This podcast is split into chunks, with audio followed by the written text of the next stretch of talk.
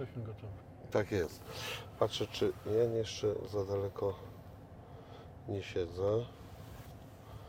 No tak, trzeba sobie ustawić tam to Tak. nachylenie fotela. Marcin jest bardzo wysoki, on ma duży od- odległość od tego. Mm. Ta so- skrzynia biegów jest tutaj. Aha, czyli dobra, jak w to- Mercedesie to, tak pod, pod, e, podnoszę jakby, e, przepraszam, i tak, i Mhm. wtedy jest, e, pokazało się R? Czy gdzieś się nie pokazało zaraz? Niech. Nie, no D chyba w dół. O, D. jest. Dobra, no to jedziemy.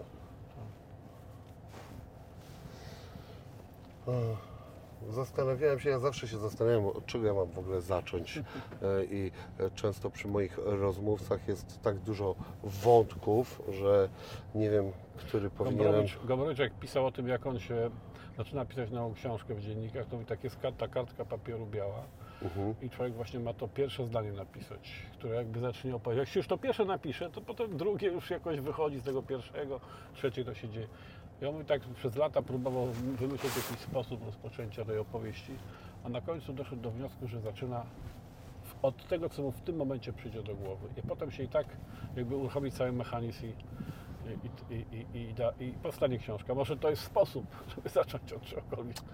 To to mi przypomina inną anegdotę. Chyba, wydaje mi się, nie wiem czy to nie dotyczyło Sherlocka Holmesa albo jakiegoś innego tego typu e, bohatera, e, gdzie e, autor go uśmiercił i e, wszystkich czytelników szlak trafił, a uśmiercił go w jakiś taki sposób, że nie wiem, zrzucił go do wody, że w ogóle e, po prostu nie wiadomo było jak go przywrócić do życia. I on zaczął książkę od słów, że y, tam główny bohater, powiedzmy X, po wyjściu z opresji Bardzo dobre, bardzo dobre. tak i, i tyle. To, to, to, to, to kolejna anegdota wywołuje anegdotę. W grze o tron w pewnym momencie ginie ten bohater, który był takim przystojnym, e, ciemnowłosym, k- kręcone włosy, takim przystojnym właśnie tym jednym z tych głównych bohaterów. No i straszny lament wszystkich tych miłośniczych, miłośniczek głównie, ale miłośników tego, tej gry o tron i piszą tam, że jak to, dlaczego, tam w którejś dopiero e, sezonie, jeszcze tyle sezonów przed tym już nie będzie tego, tego cudownego, wspaniałego, przepięknego, tam nie pamiętam jego imienia w tej. No i mm, producent zdecydował, że reżyser musi przywrócić do życia tego zabitego ostatecznie w którymś tam odcinku bohatera. No i po prostu pojawia się wróżka, przykłada ręce i po prostu ożywia zmarłego i wraca do gry. Jest! Można, można. Można zrobić klona, można się cofnąć do tyłu. A, wszystkie teraz są te możliwości możliwe. Natomiast jeszcze najśmieszniejsze jest to, że cała masa rzeczy, co niedawno było niemożliwych, dzisiaj za- zaczyna być w ogóle możliwych. Ale ja wiem, od czego ja chciałem zacząć. No. Em, jaka jest etymologia pana nazwiska? Palikot. Tak.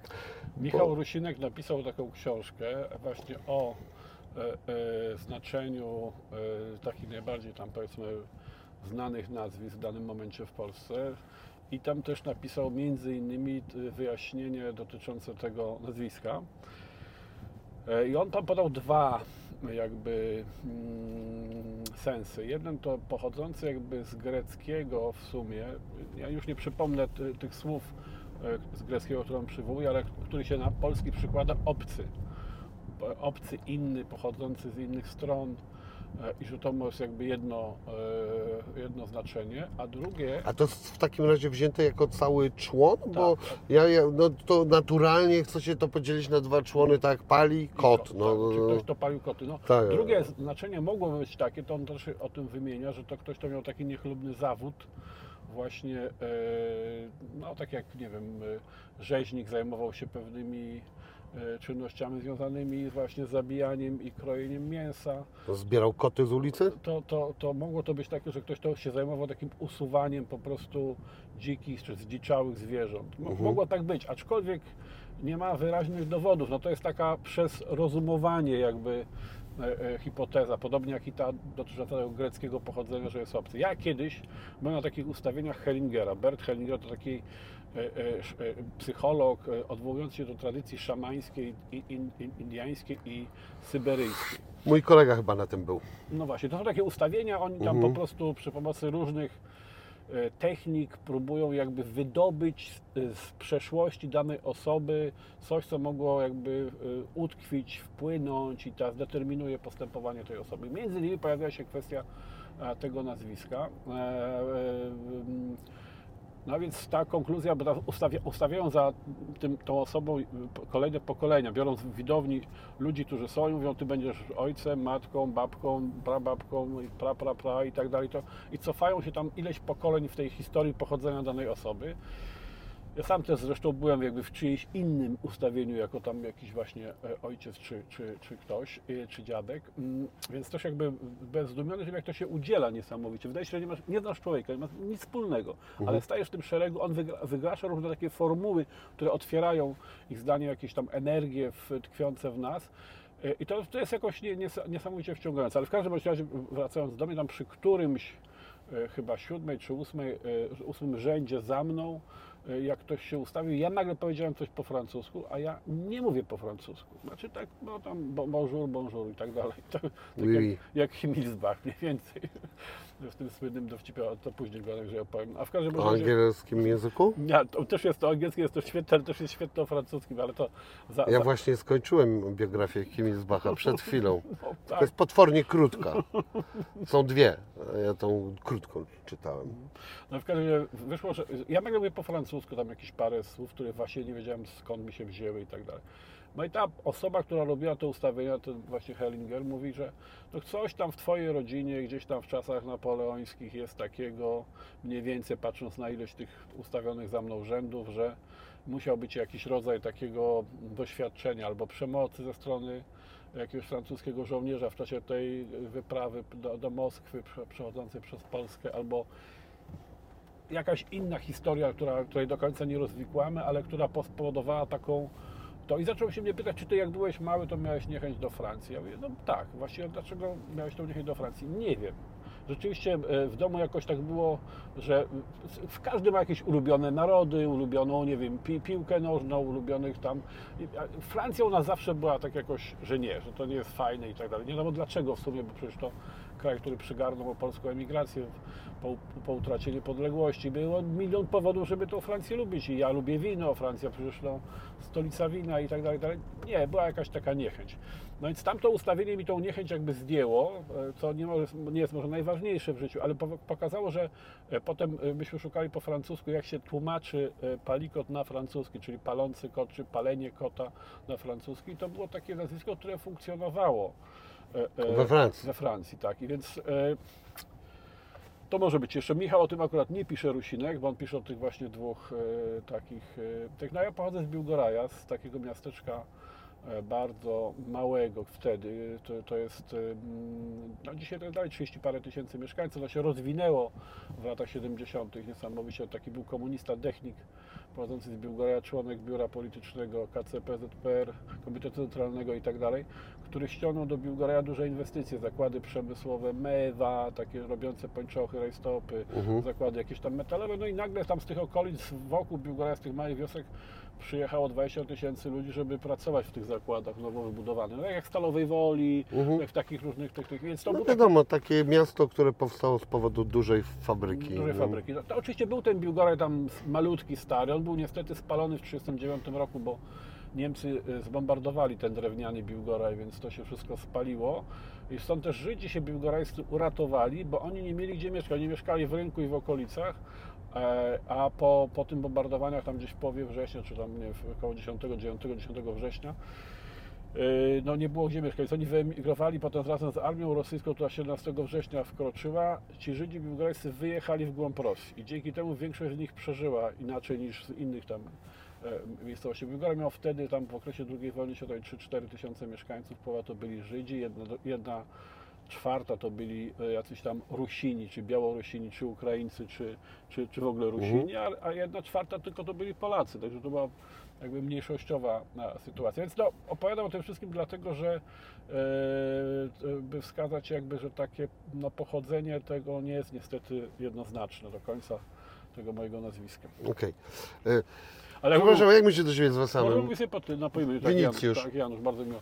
Kiedyś taki miałem wykładowcę, jeszcze jedna anegdota, Majdański na Kulu, metodologię nauk wykładał, ja zaczynałem na Kulu e, studia z filozofii, ale to jeszcze był kul taki normalny w latach 80. I ten Majdański do mnie mówi tak, pan ma dobre nazwisko, panie Polikat, łatwo zapamiętać. Okej. No, Też można by było tutaj sobie e, przy takim e, polikat wymyślać różne e, pochodzenia.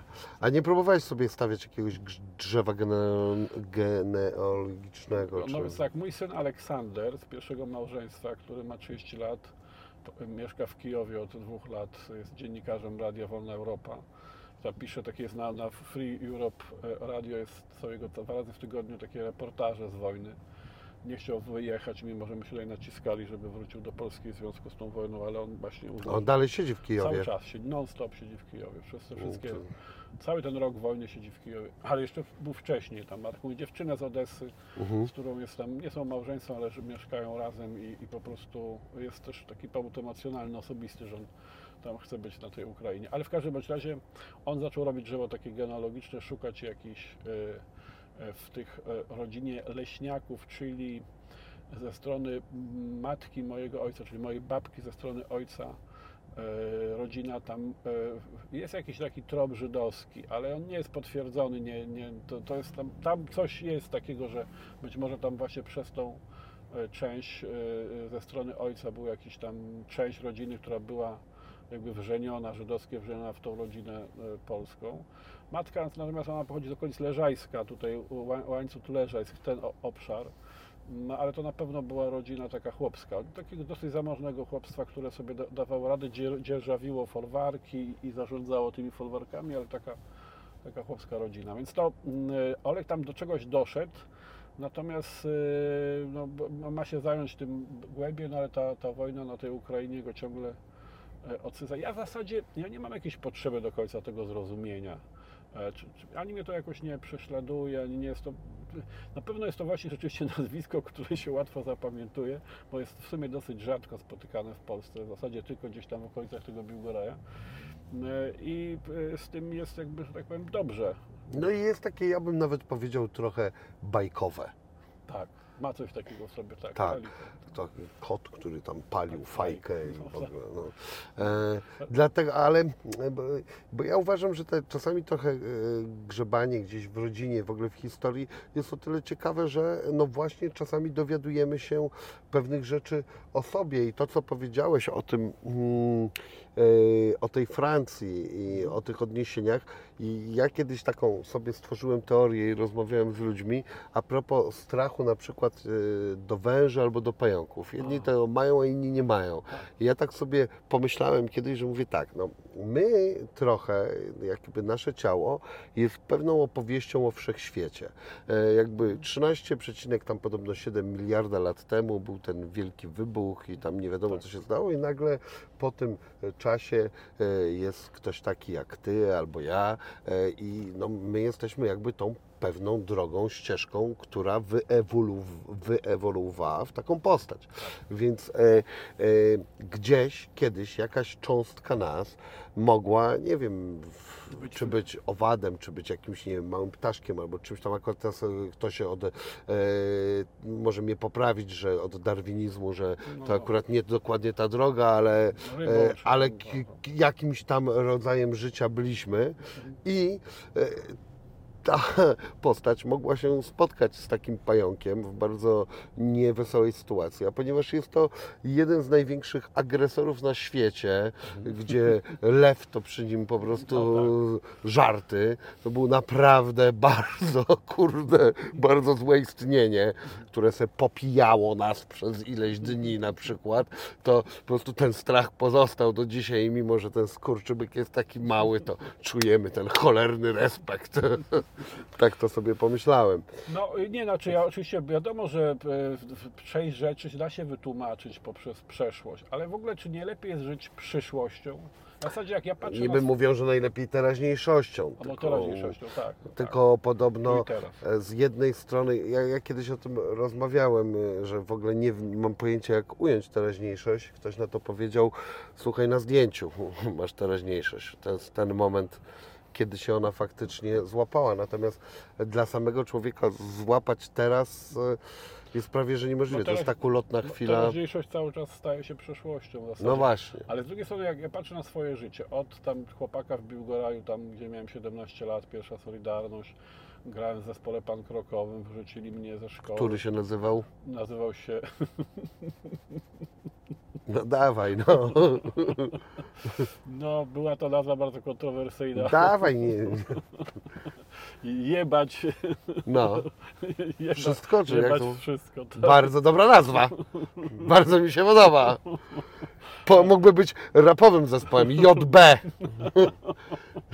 Jebać wszystko, a potem, jak już byś był w koniunkturze, w mainstreamie, to byś e, zmienił na, e, nie wiem, e, JB, e, coś tam byś wymyślił. Teraz nie mam, chciałem coś szybko zbudować, ale nie przyszło mi do głowy Nie, no, ten, e, no- bo tak porobiły niektóre zespoły rapowe, które miały bardzo mocne, kontrowersyjne nazwy, a potem się okazało, że to znaczy No coś zupełnie innego. Szkoła mnie zawiesiła wtedy w prawach ucznia, bo to myśmy mieli wystąpić na Akademii Otwarcia Roku Szkolnego, ale mieliśmy takie teksty, że e, e, i samą nazwę zespołu, że trudno było to w 81 roku zaakceptować, ale na szczęście była, był, to, był to ten taki okres wolności krótki wtedy, 81 rok, kiedy właśnie powstała Solidarność, komuna tak trochę trzeszczała, nie wiadomo było, co, czy to się obroni, czy nie. Wprawdzie wskutek tego mnie w stanie wojennym wyrzucili z tego Biłgoraja, ale nie ma tego złego, co by na dobre nie wyszło, bo wylądowałem w Warszawie i tu skończyłem liceum, potem właśnie poszedłem na, na studia na KUL, bo nie mogłem studiować na państwowej uczelni, ale mniejsza z tym wszystkim. Chodzi o to tylko, że jak sobie patrzę na swoje życie, być może ono było motywowane e, różnymi takimi sprawami z przeszłości, ale ja cały czas jakby byłem do, jak pójść do przodu. No, także dzisiaj w biznesie nie robię produktów, e, które e, no, są jakby na rynku czymś oczywistym. Czy to jest Wybongo, czy Buch, czy cokolwiek. To są produkty, które jakby wykraczają poza to, co już na rynku jest. Byłem w polityce, w ruchu Palikota, to samo. No, robiłem wtedy, jak się zaczynało mówić, że e, połowa episkopatu to pedofile i że e, trzeba oddzielić państwo od kościoła, to był wtedy straszny larum.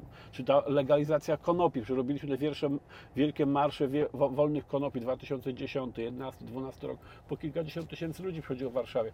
Dzisiaj mamy już tą medycynę. E, e, e, No ale słuchaj, tutaj y, to takie gdzieś tam pytania też słyszałem od innych, bo wiadomo, że sobie tam trochę oglądałem. E, Czy to jest faktycznie, to są Twoje przekonania, czy jest w tym trochę koniunkturalizmu, bo na przykład jeśli chodzi o Marsze Konopi, no to na pewno wyście się podpięli pod to. Ten ruch już istniał. Wolne istniały, i- tak.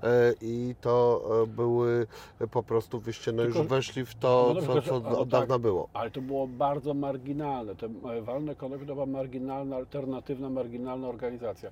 Jak my się w O, to chyba weszli, same marsze, y, wydaje mi się, że już nie były wcale takie marginalne no, ale, wtedy. ale właśnie przełom nastąpił wtedy, kiedy myśmy się pojawili na tych pierwszych, kiedy były pierwsze z naszym udziałem, wtedy się nagle zrobiło, to zrobiliśmy reklamy. Ja byłem bardzo znaną postacią, bo byłem przecież w, e, kierownictwie Platformy wcześniej, z której odszedłem, oddając mandat i tak dalej. Więc a propos koniunkturalizmu, jaki jest sens odchodzić z formacji, która rządzi, której jesteś we władzach e, kierowniczych partii, jesteś znaną postacią, jedną z trzech najczęściej występujących w mediach, zazwyczaj się nie odchodzi, jak się tylko myśli koniunkturalnie. Ja Słuchaj, od- nie wiem, wiesz, różne mogliście mieć też rozgrywki wewnętrzne, o których ja nie mam bladego pojęcia, ani w pewnie ba, w, w, wielu ludzi, więc y, dlaczego e, odszedłeś, to ja tego nie wiem. Ale wiesz co, dobra, jesteśmy przy polityce, to ja mam, e, to, bo ja chciałem trochę tak sobie to podzielić na działy, co pewnie mi się i tak nie uda.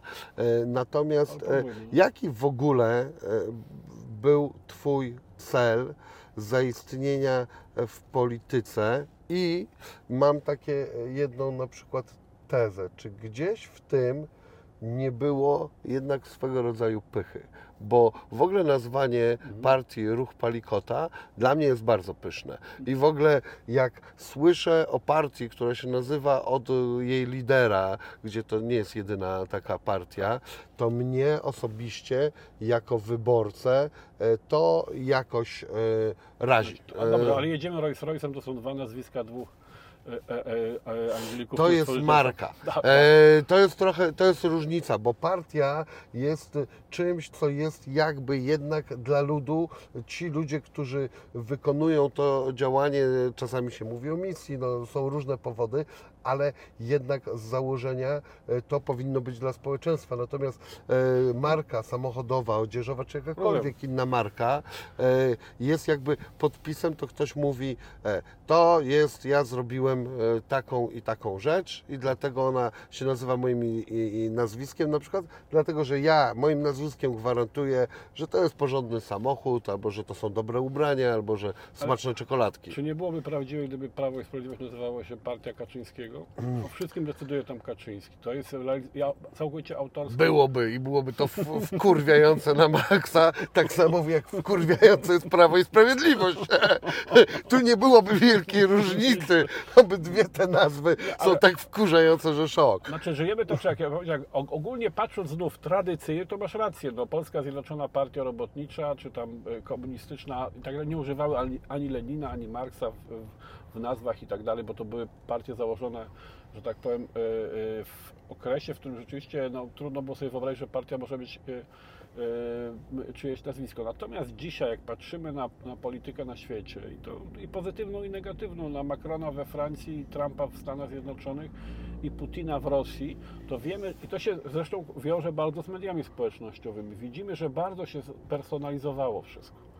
To, te partie są jakby bardziej należą do jakiejś osoby niż do jakiejś sprawy.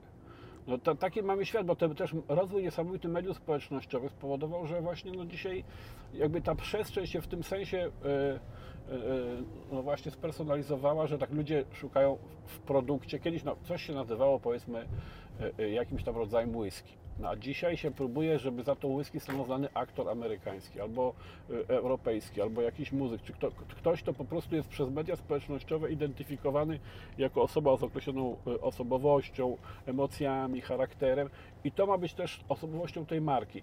I w ogóle takie zjawisko personalizacji wielu rzeczy no jest dosyć masowe. Ja się z tym zgadzam, że to jest trochę niebezpieczne, bo na końcu... Mi to w polityce przeszkadza. Nie mam problemu z tym, żeby, nie wiem, ekspres do kawy się nazywał od nazwiska kolesia, który wymyślił ekspres do kawy.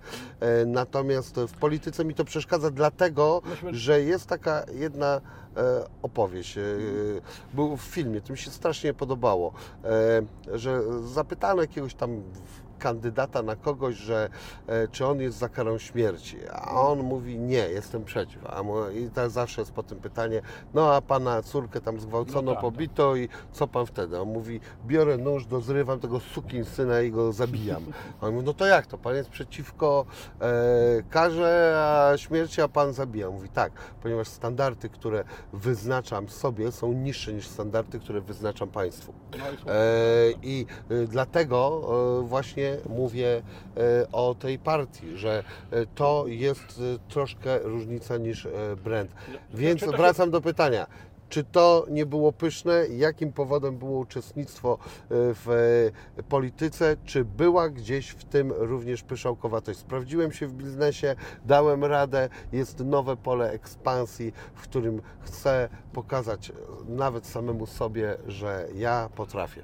No, w ogóle takie myślenie w kategoriach ego, ja i samorealizacji jest absolutnie jedną z fundamentalnych rzeczy w polityce. Nie dotyczy tylko mnie, bo tak samo Kaczyńskiego, Bonaparte i kogo byśmy sobie tam wzięli, Petru czy Kukiza, czy, czy dowolnej innej osoby.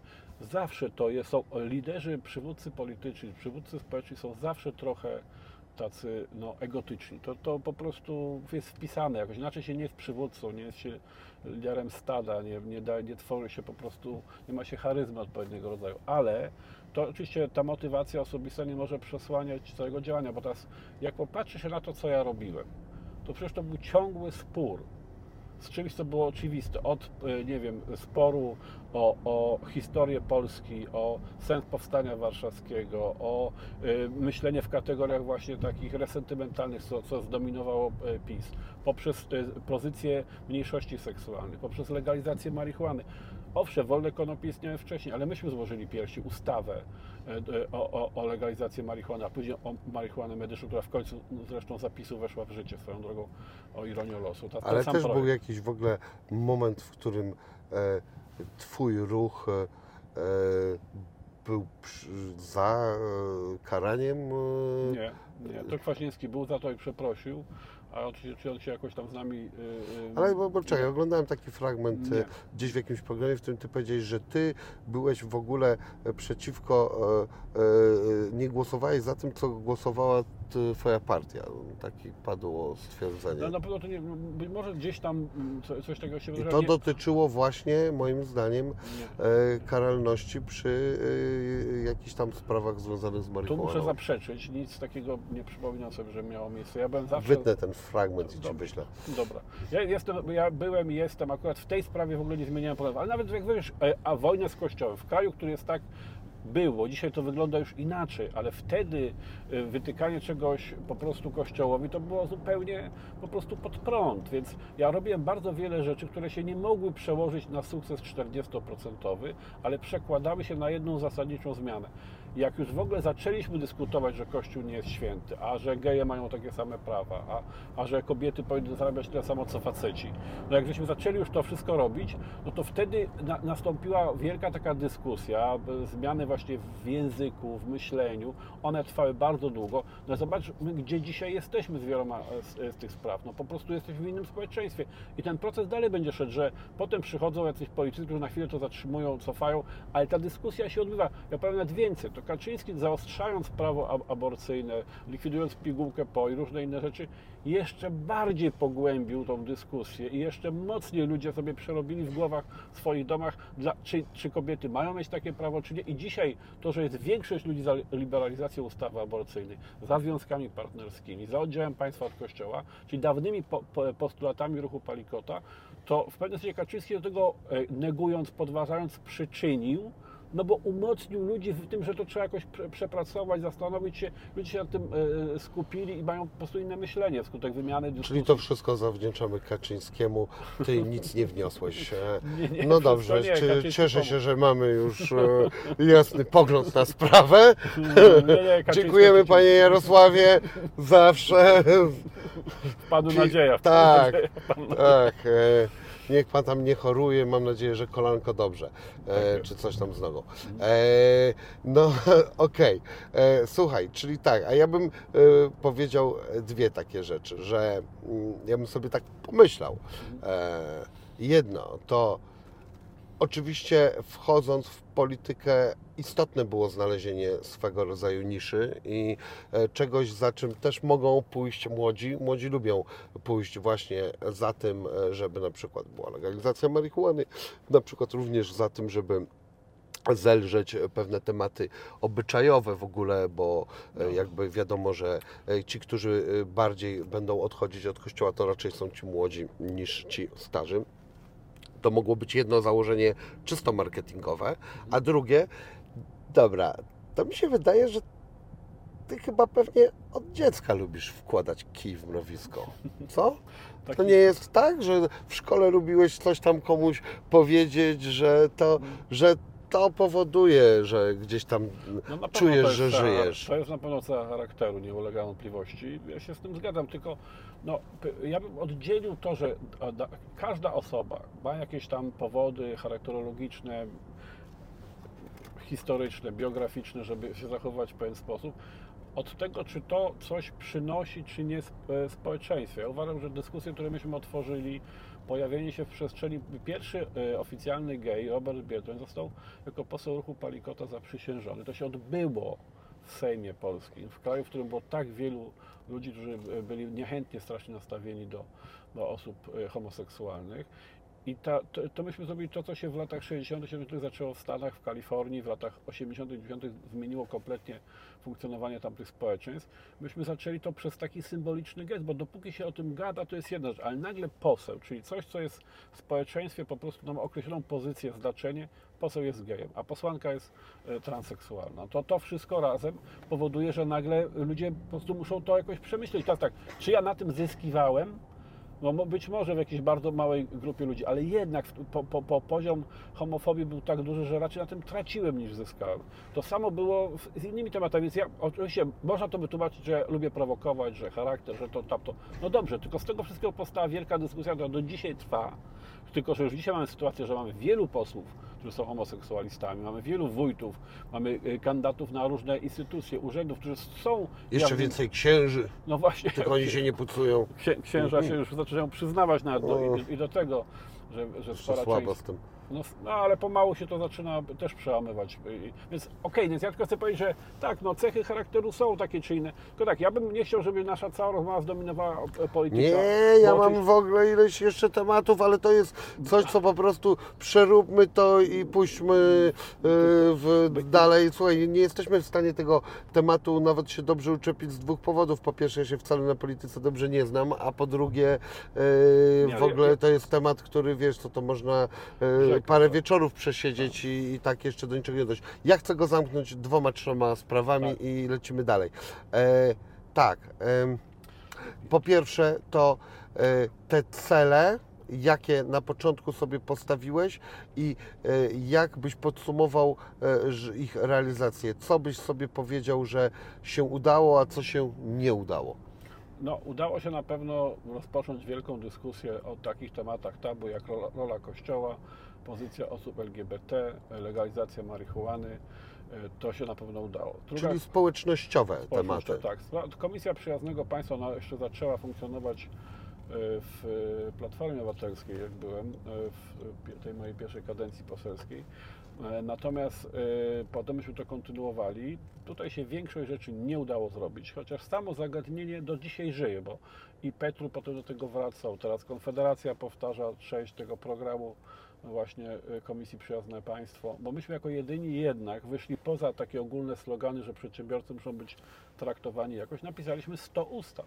To bardzo drobne ustawy. One zmieniały, nie wiem, VAT od, da, darow, od, od darowizny. To teraz PiS znów przywrócił podatki od, od zbiórek dla dzieci, ale myśmy wtedy cofnęli VAT od darowizn. To, że grunty rolne nie wymagają procedury administracyjnej związanej z odrolnieniem, tylko jest to decyzja właściciela, czy płaci, czy nie. Co tam można wybudować, to jest oddzielna procedura, ale sam charakter gruntu jest decyzją e, e, właściciela, który się decyduje na stawkę podatkową i płaci. No, były oczywiście bardziej ambitne zmiany dotyczące przykład planu przestrzennego zagospodarowania. Myśmy tam szereg rzeczy wprowadzali, które by bardzo zracjonalizowały inwestycje w Polsce, ale to akurat nie przeszło. No, y, y, na, przykład taka legalizacja małej produkcji alkoholu, co jest w Czechach, na Węgrzech, w Niemczech e, obowiązuje, w Polsce się nie udało przeprowadzić, za- zablokował to PSL akurat. I tak dalej, i tak dalej. Więc y, niektóre z tych rzeczy No, wyszły. to twoje założenia biznesowe w takim razie. No wtedy ja byłem, już sprzedałem w e, Polmos, akurat A, to, to, no, wróciłeś. teraz wróciłem, ale ty, tylko, że e, to akurat było przeciwko dużym grupom e, producenckim, bo chodzi o to, żeby rolnik, który ma sad ze śliwkami czy tam jabłkami, mógł sobie, nie wiem, 500 tysiąc litrów, to jest w różnych krajach różnie uregulowane, Mhm. bez akcezy wyprodukować, zgłaszając, że to produkuje na własne potrzeby. W Czechach to są nawet takie objazdowe gorzelnie, które przyjeżdżają od wsi do wsi i Mhm. tam człowiek przynosi swoje owoce i na miejscu mu tam w ciągu tam doby czy iluś godzin po prostu destylują to do mocnego alkoholu, sobie tą Okej. palinkę, czy tam, prawda, jakąś inną, w zależności od surowca, jakąś inna, inny destylat owocowy zabiera. I to nie ma żadnego powodu, żeby w Polsce takie, co więcej, takie małe wytwórnie, one też mogą płacić akcyzę, bo one mogą być, dobrze, zrobimy więcej, 10 tysięcy, ale to już płacimy, od tych 9 tysięcy płacimy akcyzę, idzie się po, po znaczki, opłaca się i są takimi małymi producentami, których jest pełno w Europie. To, to by bardzo stabilizowało ceny, nie wiem, malin, jabłek, różnych innych rzeczy, bo one są czasami bardzo niskie, czasami bardzo wysokie, jak to z tymi pro, produktami uzależnionymi od klimatu, od, od pogody w danym roku. A to by bardzo nie musieliby sprzedawać za bezcen, by sobie przerabiali na mocny alkohol i trzymali. Ileś innych takich rzeczy, które żeśmy zaproponowali, y, to miały sens, do tej pory nie są niestety wprowadzone, jest tak ogromny opór. No to e, przynajmniej tyle, że one zostały e, nazwane, opisane, że są e, ustawy, jest się do czego odwołać. Miejmy nadzieję, że ktoś to kiedyś wprowadzi w życie, wszystko jedno już kto, bo część z tych rzeczy udało się na, szczęście zrobić, ale to jest, to był niestety margines. Ja muszę ogólnie powiedzieć, że poza tym, że wprowadziliśmy tam 17 czy, czy około 20 ustaw takich drobnych, to tych większych rzeczy nam się nie udało przeprowadzić niestety. Mm, Ale tego się też nauczyłem w polityce, że czasami największymi jakby mm, przeciwnikami są ludzie wewnątrz środowiska, w którym się znajdujesz, bo oni nie chcą Twojego sukcesu. Że to była taka rzecz, której jakby nie rozumiałem wcześniej. No wiesz, mówią, e, jak to przysłowie, że tam mm, wrogów trzymaj w miarę blisko, przyjaciół jeszcze bliżej, czegoś, jak, Coś- Nie, to jest takie słynne powiedzenie Pawlaka z PSL-u, że jest y, wróg, śmiertelny wróg i koalicjant. Okej, dobra. To jest coś takiego. No ale y, y, tak czy inaczej y, to się powiedzmy... Albo nikt z nikim się nie lubi, koalicja. No to To mój tekst, zacytowałem samego siebie. bardzo dobrze. E, No ale to, to tylko kończąc jeszcze ten ten, więc to się, nie, natomiast udało się zbudować środowisko, bo jak popatrzysz dzisiaj na wielu ludzi, Baśka Nowacka, e, właśnie ten Robert Biedroń, no, e, Andrzej Rozenek, oni nie są może dzisiaj liderami tych formacji, ale takich znaczących osób jest pewnie ze 30, które funkcjonują w różnych formacjach a wyrośli jakby z ruchu Palikota czy z Twojego ruchu e, i, no i funkcjonują, więc to jakoś sformatowanie środowiska, które potem oddziałuje przez pewien czas jest taką jedną z najważniejszych zadań w polityce, którą jeśli- tylko Ci nie chodzi o to, żebyś był premierem czy ministrem, bo mi się na przykład nie udało realnie przejść do władzy wykonawczej, pozostałem tylko e, członkiem parlamentu i tam powiedzmy e, władz krajowych partii, czy potem liderem swojej własnej formacji, ale jakby funkcji takich ministerialnych nie pełniłem.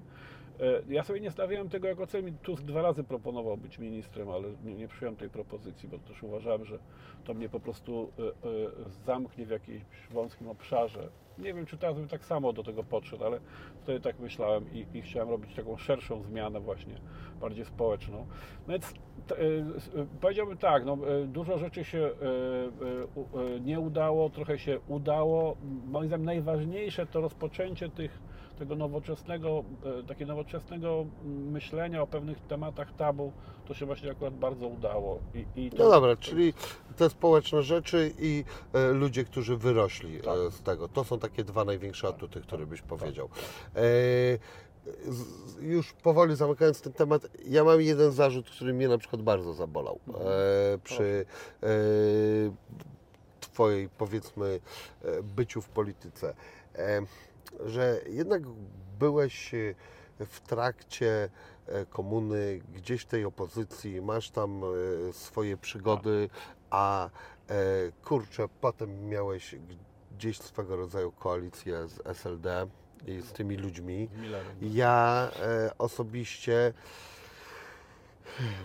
później się urodziłem, jednak przeżyłem komunę i ona zostawiła na mnie wielkie piętno takie, że to był po prostu ustrój, z którego jak się otrzepaliśmy, to ja nie mogłem uwierzyć, że w ogóle to się stało. To ja e, No tak. dwa lata wcześniej, to jakby mi ktoś powiedział, że to się skończy, to, to ja bym powiedział, że niemożliwe.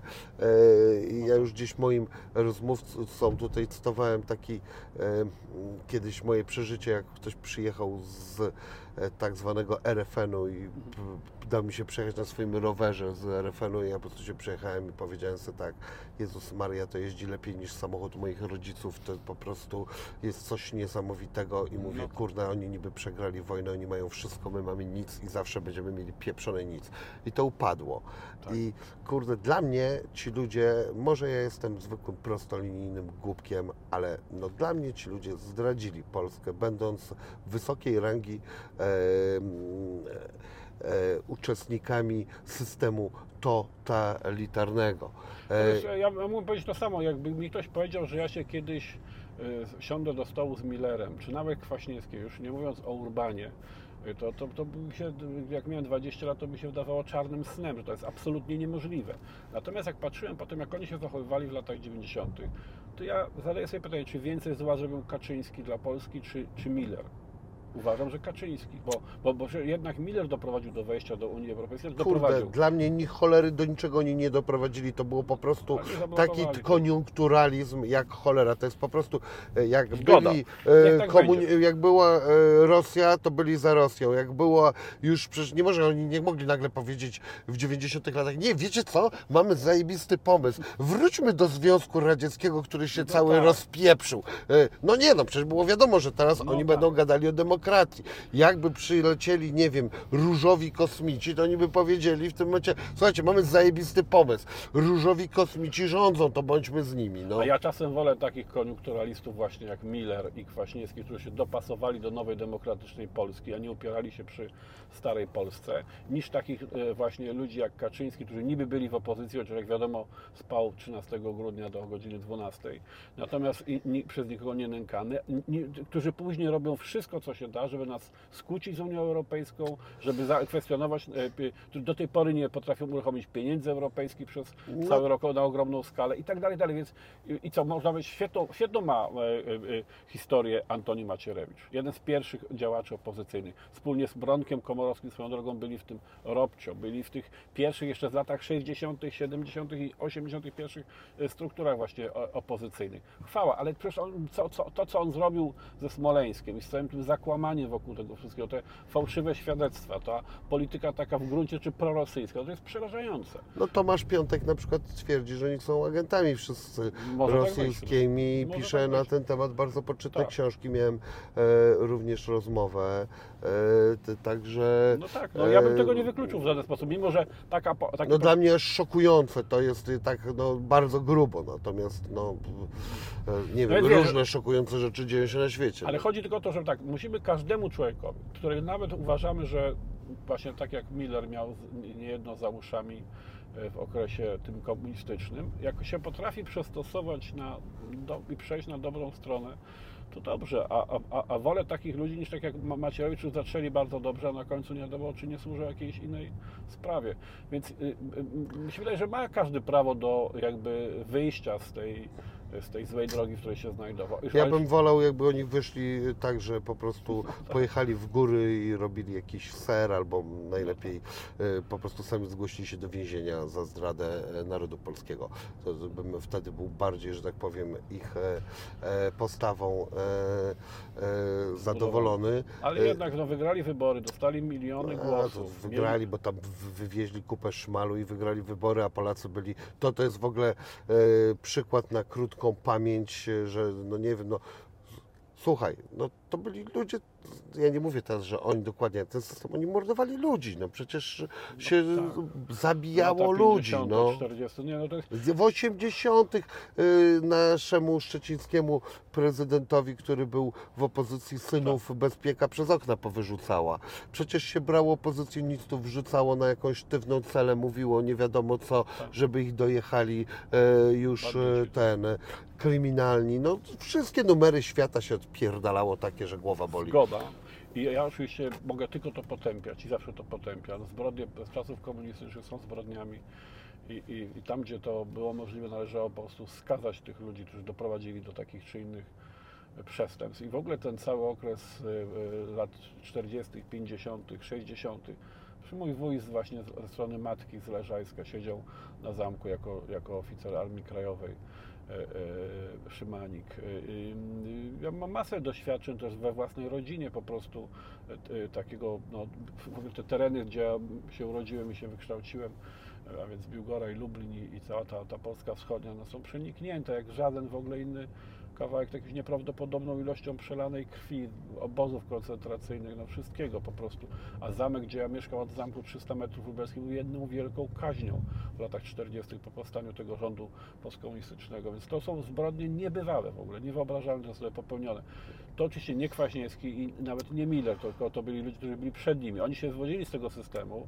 byli kontynuatorami. Tak. Akurat Kwaśniewski był e, dokładnie e, tym e, gościem od e, propagandy, a właściwie od cenzury, bo on był ministrem e, kultury i sportu, co Tak. oznaczało, jak kiedyś czytałem e, wywiad z zespołem TSA, jak przychodzili na ich koncerty, on dokładnie przychodził i im tam gadał, co powinni grać, co nie powinni, więc jakby on był adwokatem diabła, e, podobnie jak Urban zresztą. E, A i- jednak Kwaśniewski się bardzo zmienił. Ja bym go jednak bronił. To jest zupełnie No okej, ja nie znam człowieka, natomiast ja mam jeden wielki problem. Próbuję być starszy, znaczy starszy, nie próbuję być, chciałbym być młodszy, ale próbuję być starszy w myśleniu, bardziej dojrzały może. Chciałbym być mniej radykalny, natomiast ja mam jeden po prostu ból, że jednak nie poniesiono żadnych konsekwencji, że wyszli ludzie z tego tak obronną ręką i wręcz dzisiaj jest- e, tak. urośli do rangi nawet jakichś bohaterów, e, e, gdzie różne zaszczyty e, ich No tak. spotkały. Nic, po prostu nikt nie. Jest to, jest to jakoś niesprawiedliwe. To jest Tak, zło po prostu wygrywa, bo dobro jest głupie, jak w kosmicznych jajach. No ja się do polityki nie wybieram już. Po te 10 lat odrobiłem to, co miałem zrobić. Dużo się nauczyłem. Nie żałuję, że byłem w tej polityce, ale teraz, mimo że jest to jakby dobry moment, można powiedzieć koniunkturalistycznie dla mnie, bo akurat wiele tych postulatów i moich różnych przepowiedni się sprawdziło i mógłbym się na białym koniu wrócić do tej polityki, ale nie chcę. Chcę zajmować się no, po co ci to lepiej biznes robić? E, odchorowałeś odejście z polityki i czy dojeżdżała cię bezpieka? Tak, miałem y, taki pierwszy, to powiedzmy w granicach roku mniej więcej, jest taki moment, kiedy musisz jakby no, wyjść z roli, w której byłeś 10 lat. I to, to sobie to nie było, czy to byłaby nie polityka, czy coś innego, to zawsze jest takie przejście, ale polityka szczególnie, bo, bo to jest po prostu to bycie na mównicy, bycie w, w tych, tych, więc to był taki okres roku, gdzie ja się tak jakby e, borykałem sam ze sobą. Ale potem jakoś, e, jak już postanowiłem, że wracam do biznesu, że nie będę wracał do polityki, że właśnie idę jakby inną drogą, to pamiętam taką rozmowę z Robertem Krasowskim, który napisał taką dobrą bardzo biografię i e, Kaczyńskiego i mm, w całego tego okresu, też Millera, e, całego tego okresu właśnie trzeciej RP. Mm, Taką z pozycji filozoficzno-społeczno-polityczną, ale taką bardzo, z pozycji jakby mechanizmu władzy, taką bardzo inną niż na ogół się w Polsce pisze. Myśmy się znali, bo byliśmy razem na studiach i e, gadaliśmy później o tym, e, czy o powrocie, czy nie do polityki. I, i, i ja pamiętam, że wtedy miałem takie, zaraz po odejściu, takie wątpliwości, czy to właśnie zakończyć, czy nie. E, No i on wtedy powiedział rzecz, którą ja uważam, że jest prawdziwa, że dopiero polityk, który przegrał, wypadł, bo wcześniej ja miałem pasmo sukcesu. Pierwsza kadencja, druga, platforma, liderowanie platformy, popularny polityk, Komisja Przyjazne Państwo, własna partia, ruch Palikota, od sukcesu do sukcesu. Na pewno jak się przegrało, to się do końca dopiero człowiek formatuje jako właściwy polityk. Znaczy ja bym teraz mógł być dobrym politykiem po, tym, po tej klęsce, którą poniosłem odpadając wtedy z polityki. Ale już tego nie chciałem robić, też rodzina e, nie chciała, żebym wracał do polityki. Ale to też, mówię też zupełnie serio, to jest moja decyzja, nie chcę już po prostu wracać. Natomiast nauczyłem się jakby mechanizmu tego, czym polityka jest, czym jest życie polityczne, partyjne i to jest bezcenna rzecz e, i to bardzo, bardzo cieszy. A miałeś depresję potem? Po prostu depresję? Depresji nie, jakoś jestem człowiekiem niedepresyjnym. Okej. E, e, Natomiast jeszcze a propos tej bezpieki, trochę miałem tam domiarów podatkowych. W 2017-2018 ma parę milionów złotych, więc tam próbowano mnie e, przyskrzynić. Miałem trochę wszczętych postępowań różnych, które się nie, nie utrzymały. Ale jakoś nie mogę też powiedzieć, że byłem no jakoś totalnie, że, tak powiem. W końcu mnie nie wyprowadzono w kajdankach ani nie, a można było, bo każdego można było w obecnej sytuacji w Polsce bez powodu zrobić. Więc ja tam jakieś miałem takie lekkie e, szturchanie i tam przepianie się, jestem bardzo dobrze kontrolowany, sprawdzany, pewnie bardziej niż ktokolwiek inny, jeżeli chodzi o różne tam, bo znów produkuję alkohol i tak dalej. No wiadomo, że to są rzeczy, które podlegają kontroli tak czy inaczej, ale takie mam wrażenie, że jestem bardzo dokładnie sprawdzany. A myślisz, że cię podsłuchują? Tak, na pewno. Znaczy, ja bardzo często zmieniam telefony, bo byłem podsłuchiwany na pewno. Mhm. E, czego się nauczyłeś z polityki, co mógłbyś przenieść do biznesu? A może zdobyłeś też jakieś e, dobre koneksje? Więc z tymi koneksjami to jest tak, że teraz no, mnie nie finansują żadne banki, między innymi dlatego, że jestem byłym politykiem. Wiele instytucji nadzoru, tam KNF-y czy różne inne instytucje, no to też bardzo patrzą, wszystko dzielą włos na cztery, bo, bo jestem byłym politykiem. Więc ja jestem, można powiedzieć z tego powodu, raczej w gorszej sytuacji niż to, że mam jakieś koncesje. Natomiast polityka mnie nauczyła... Koneksje. Proszę? Koneksje, ja powiedziałem. No tak, bo teraz powiedziałeś tak. koncesje. No nie, ko- koneksje, tak. Koneksji też, no oczywiście jestem znaną osobą. Wielu ludzi mnie zna także z prywatnego biznesu. To mi oczywiście pomaga. Byłem przedsiębiorcą y, y, niemałym, jak odchodziłem z biznesu do polityki, ale to, to popularność, którą uzyskałem w polityce, jest nieporównywalna. I w ogóle to, że można wykorzystać to teraz do robienia obecnego interesu, popularność własnej osoby, no to jest coś, co z polityki wyniosłem pozytywnego. A, no tak, ro- rozumienie, faktycznie. rozumienie mediów społecznościowych, wiesz, też jest bardzo ważną rzeczą jest rozumienie mediów społecznościowych. Ja jakbym pewnie nie był w polityce, to bym nie tak szybko rozumiał znaczenie, nie wiem, Twittera, czy tam e, Facebooka, czy innych różnych rzeczy. Ale czasami się wydaje, że akurat yy, czasami się wydaje, że politycy nie rozumieją mediów społecznościowych, ale to No. może, no, że, że, że po- potrafią być w tym jacyś tacy czasami siermiężni.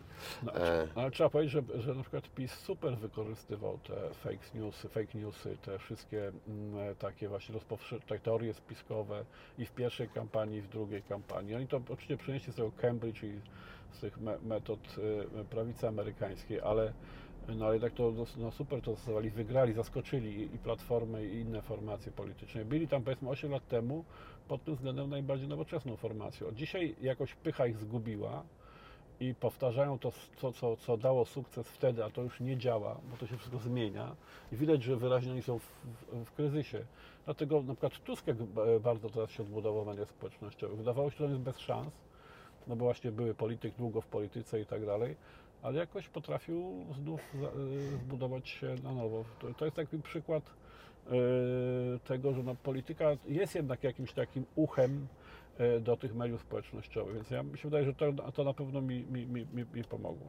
No, jak komuniści się po tyle latach ciemiężenia odbudowali, wszyscy zapomnieli, to co tam Tusk ma się nie odbudować, to, to jak kaszka z mleczkiem. Takie numery można robić.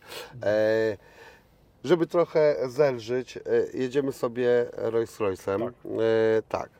Samochód Jeszcze e, moim, ale już niedługo. jest e, dostojny. Obsługa różnych tutaj tych rzeczy jest naprawdę fajna. Najbardziej mi się podobało, jak tutaj dałem sobie e, cieplej, bo było bardzo chłodno i to naprawdę tak szybko zadziałało, że byłem zdziwiony. Ciężkie jest auto. Czuję się pod nogą, czuję, że jadę.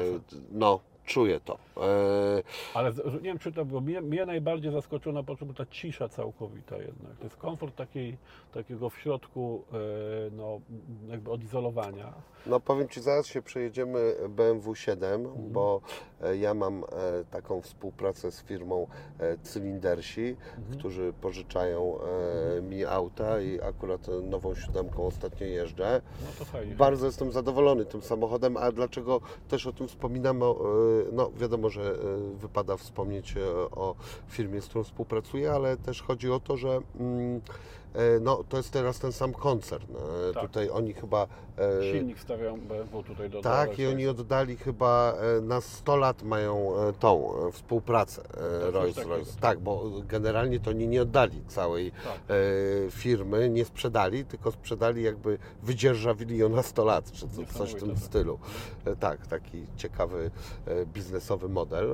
E, Rzadkość, bardzo duża rzadkość w biznesie. No, No, ale- presja na 100 lat. To w Japonii się zdarzają takie rzeczy, ale w Europie prawie że nie. Ale to zrobili, no faktycznie zrobili. No, po, pomyśleli sobie e, o tym przyszłościowo na przyszłe pokolenia. To jest jakby no, planowanie strategiczne. Tak, tak, No, jest szalenie imponujące. W ogóle Tak. świat, polskie państwo tak nie myśli, żeby na 100 lat coś zaplanować. A tu firma, A tu firma jedna samochodowa. samochodowa. No, A może za 100 lat BMW wcale nie będzie takie fajne, a może coś tam zobaczymy, z kim będziemy wtbyć koalicję robili. nie wiadomo, może z kimś, kim się nie lubimy w ogóle. Może tak być, może tak być. Słuchaj, dodaję gazów, no w miarę daje radę. Siódema lepiej ten, ale auto jest dostojne. Co wyście wymyślili tutaj za model biznesowy z tym samochodem? Czy to jest w ogóle e, coś na zasadzie tego, co robi youtuber Budda?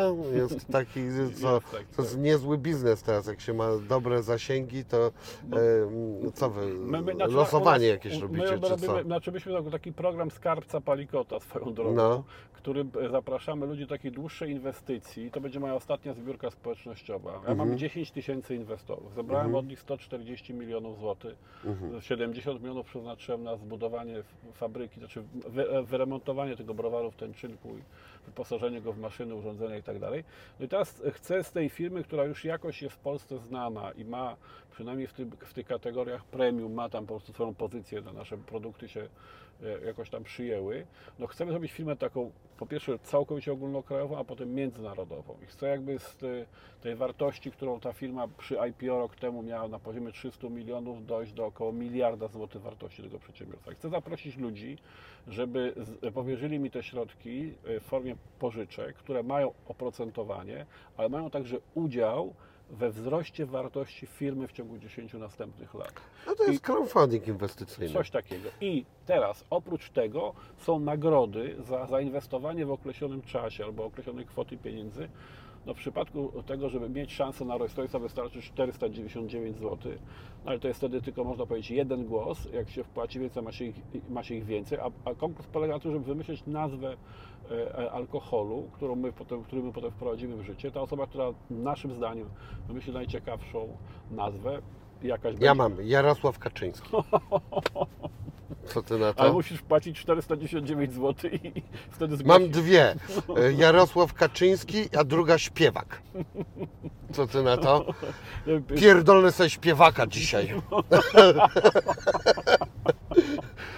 No, są, są, są to pomysły. Na pewno wszyscy by o tym mówili. Takie logo z nutką S i jak śpiewak. Nutkę można na S przerobić. Od razu logo ci podklepie. Mój ten designer, Guru Gomez, albo może jeszcze Ania ode mnie z firmy. Ja prowadzę biznes odzieżowy. E, Zobaczymy, czy albo Ania, albo Baki zaprojektują, rozumiesz?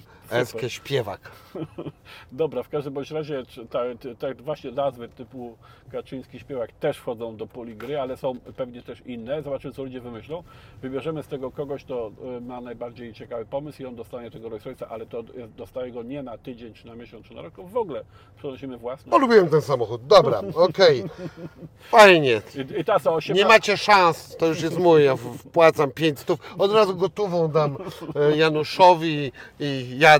4 tysiące osób się zapisało już w ciągu kilku dni zaledwie na, na, do tej inwestycji. Zapraszamy innych na skarbiec Palikota, żeby się zapoznać z warunkami, bo tam są jeszcze inne nagrody, nie tylko Rolls Royce, ale tam cała masa. No, jest to wszystko do, do przeczytania i 18 startuje zbiórka, do 24 czerwca jest ten pierwszy etap. No czyli co, to jest teraz taki nowy model biznesowy. Jeżeli ma się e, dobry ten, e, dobry, mm, dobrą grupę e, odbiorców, to można sprzedać samochód, bo tak robi ten Budda i nawet zarobić na tym finalnie. I jakby... Ja się spodziewam, że oczywiście pozyskam jakby więcej niż wart jest ten sam. On jest wart powiedzmy milion złotych, czy tam coś koło Tak? tego. Jeszcze bańkę to jest warte? Tak, bo bardzo mały przebieg, on jest krótki, krótko, ten, No, ten jest a z którego to jest roku? on ma 100 tysięcy przebiegu zaledwie, no to jest samochód y, d- dwu i pół, la- dwu i pół roczny. Naprawdę? Tak, także to jest Co ty bardzo, mówisz? No tak, tak, bardzo nowy samochód.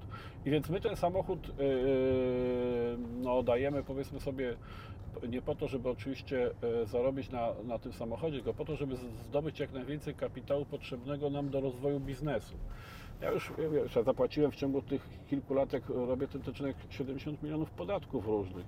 E, Także to, to, to, to jakby no, pozyskałem już 10 10 tysięcy inwestorów. Jaka firma ma 10 tysięcy inwestorów? No więc to jest też, to jest oczywiście, ja potrzebuję te pieniądze, te pieniądze pozwoliły wprowadzić te wszystkie produkty, robić kampanię, reklamę, budować linie rozlewnicze i tak dalej, i tak. Ale poza tym to też jest jeżeli to się wszystko uda, ja jestem o tym przekonany, że się uda, no to jest po prostu nowy sposób finansowania, który w Polsce dzisiaj tak, jak zaczynasz działalność gospodarczą, tak, bank ci nie da pieniędzy, bo bank ci da, jak masz 3-5 lat dochody w minionym okresie.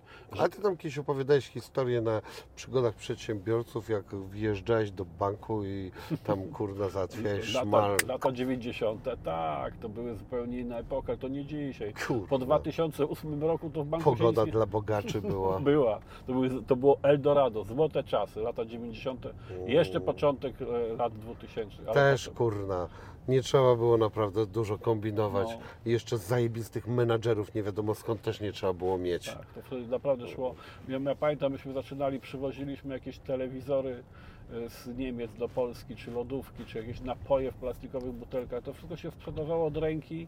A właśnie wiesz co, to mnie bardzo interesowało, bo ja sobie oglądałem o tym e, Twój e, wywiad i e, tam było powiedziane, że w którymś momencie jak była inflacja, to stwierdziliście, że lepiej robić e, handel wymienny.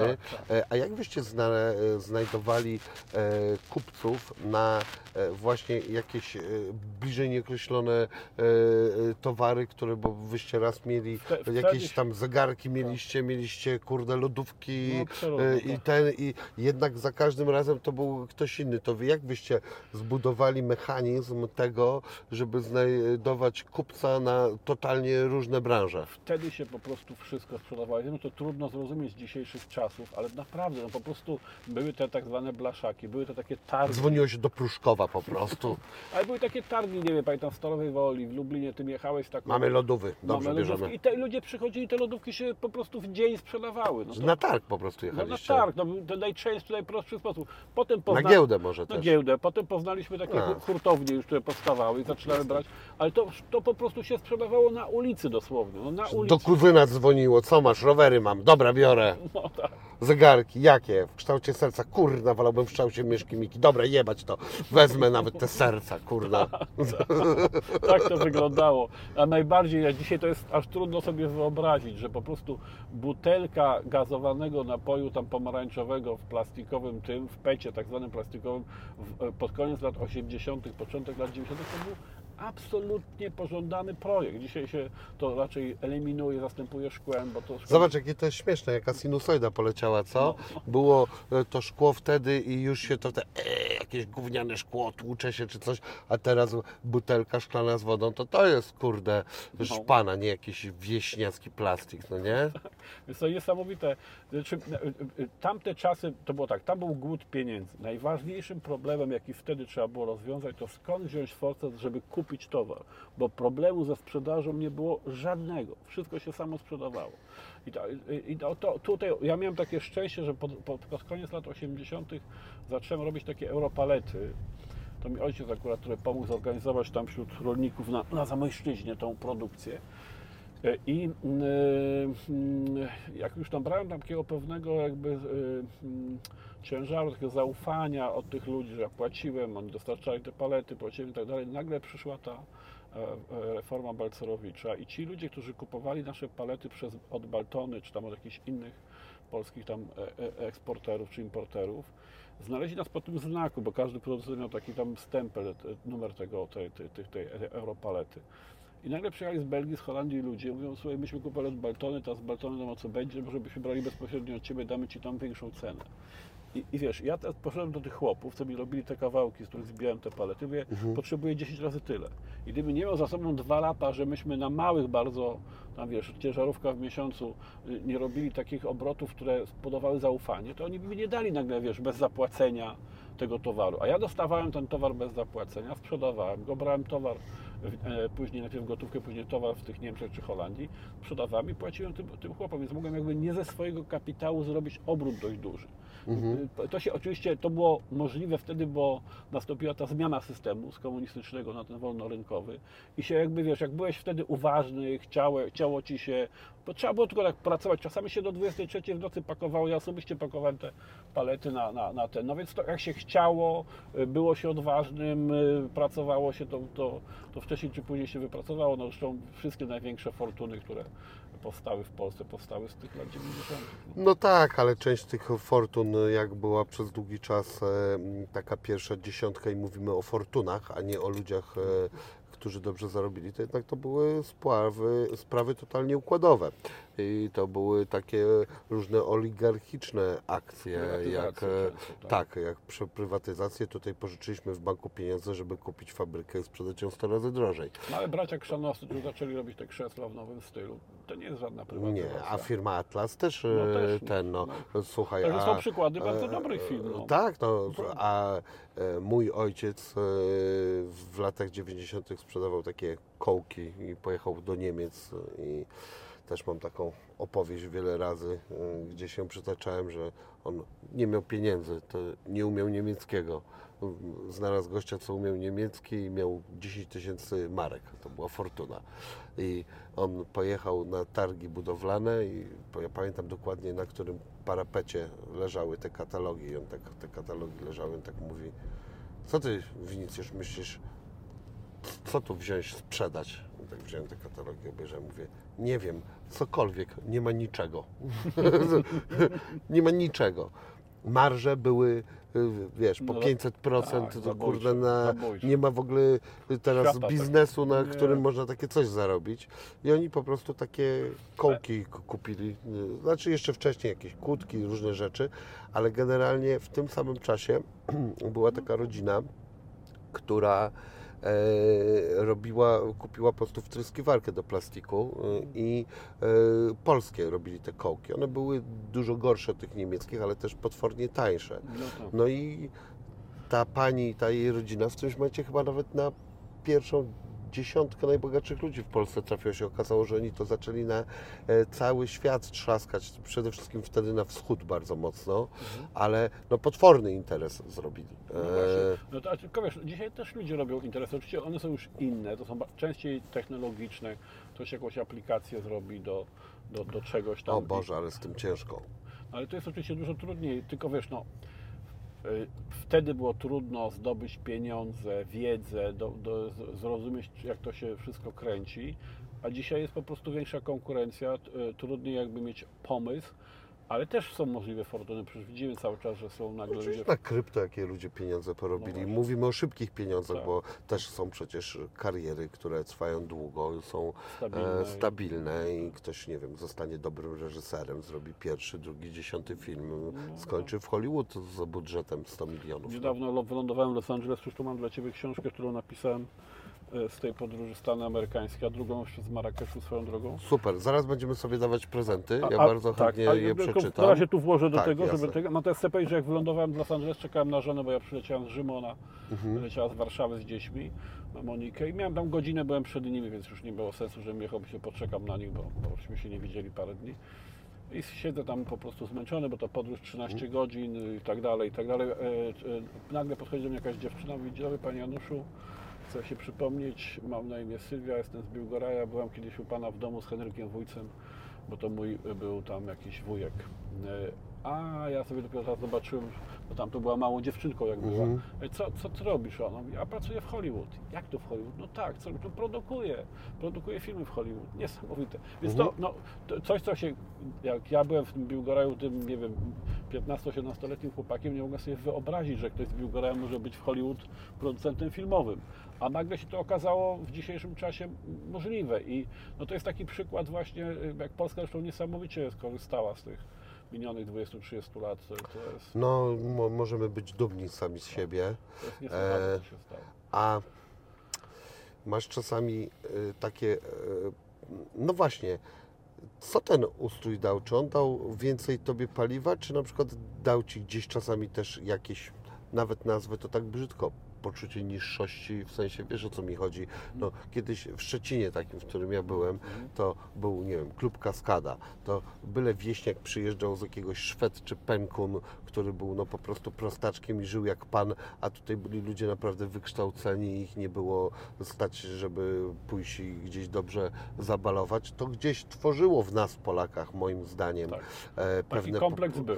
Tak. Polacy e, mają ten kompleks, to jest jeszcze Moim zdaniem do dzisiaj, no, Tak. mówienie o samym sobie cebulacy.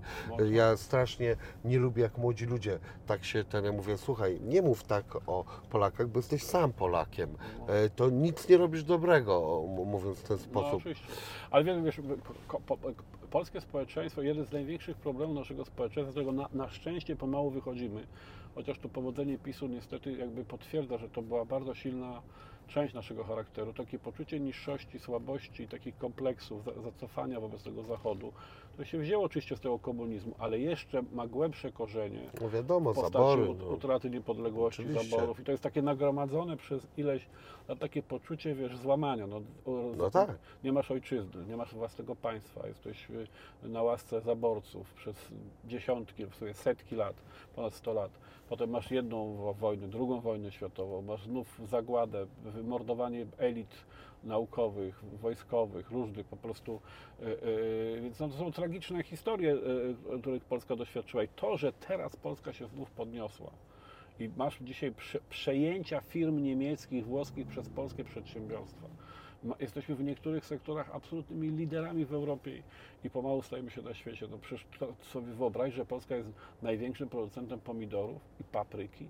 No to niby mała rzecz, ale jednak. Nie, bardzo duża, Niesamowite. ale nie zaawansowana technologicznie. Ale wiesz co, Ale meble, ale, ale wiesz, no, yy, części samochodowe. ale zaraz Ci opowiem niestety bardzo smutną historię. Natomiast e, jeszcze chciałbym e, m, odpowiedzieć na to pytanie, czy e, dało Ci to kopa, czy też gdzieś na tym kompleksie coś budowałeś, czy myśląc o, o sobie, Ja o swojej bardzo, chcia, ja przeszłości? bardzo chciałem się wyrwać z tego. W tym sensie dało mi to kopa. Chciałem jakby w tym sensie wyjechać z Biłgora, żeby nie żyć y, i nie funkcjonować na, na marginesie gdzieś tam po prostu w małym miasteczku zacofanym i tak dalej. Tak, takie miałem poczucie, że to trzeba się z tego, z tego wydostać. Często byłem, nie byłem zamożny z domu, więc ja nie, na studiach czasami głodowałem i tak dalej, i tak dalej. Nie było mnie stać na nowe spodnie czy buty, więc to była jakaś taka energia napędzająca do działania, ale te kompleksy były. To, to w ogóle ma co, jak do tej pory przekraczam granicę e, jakąś samochodem, prawda, nawet po, polsko-litewską.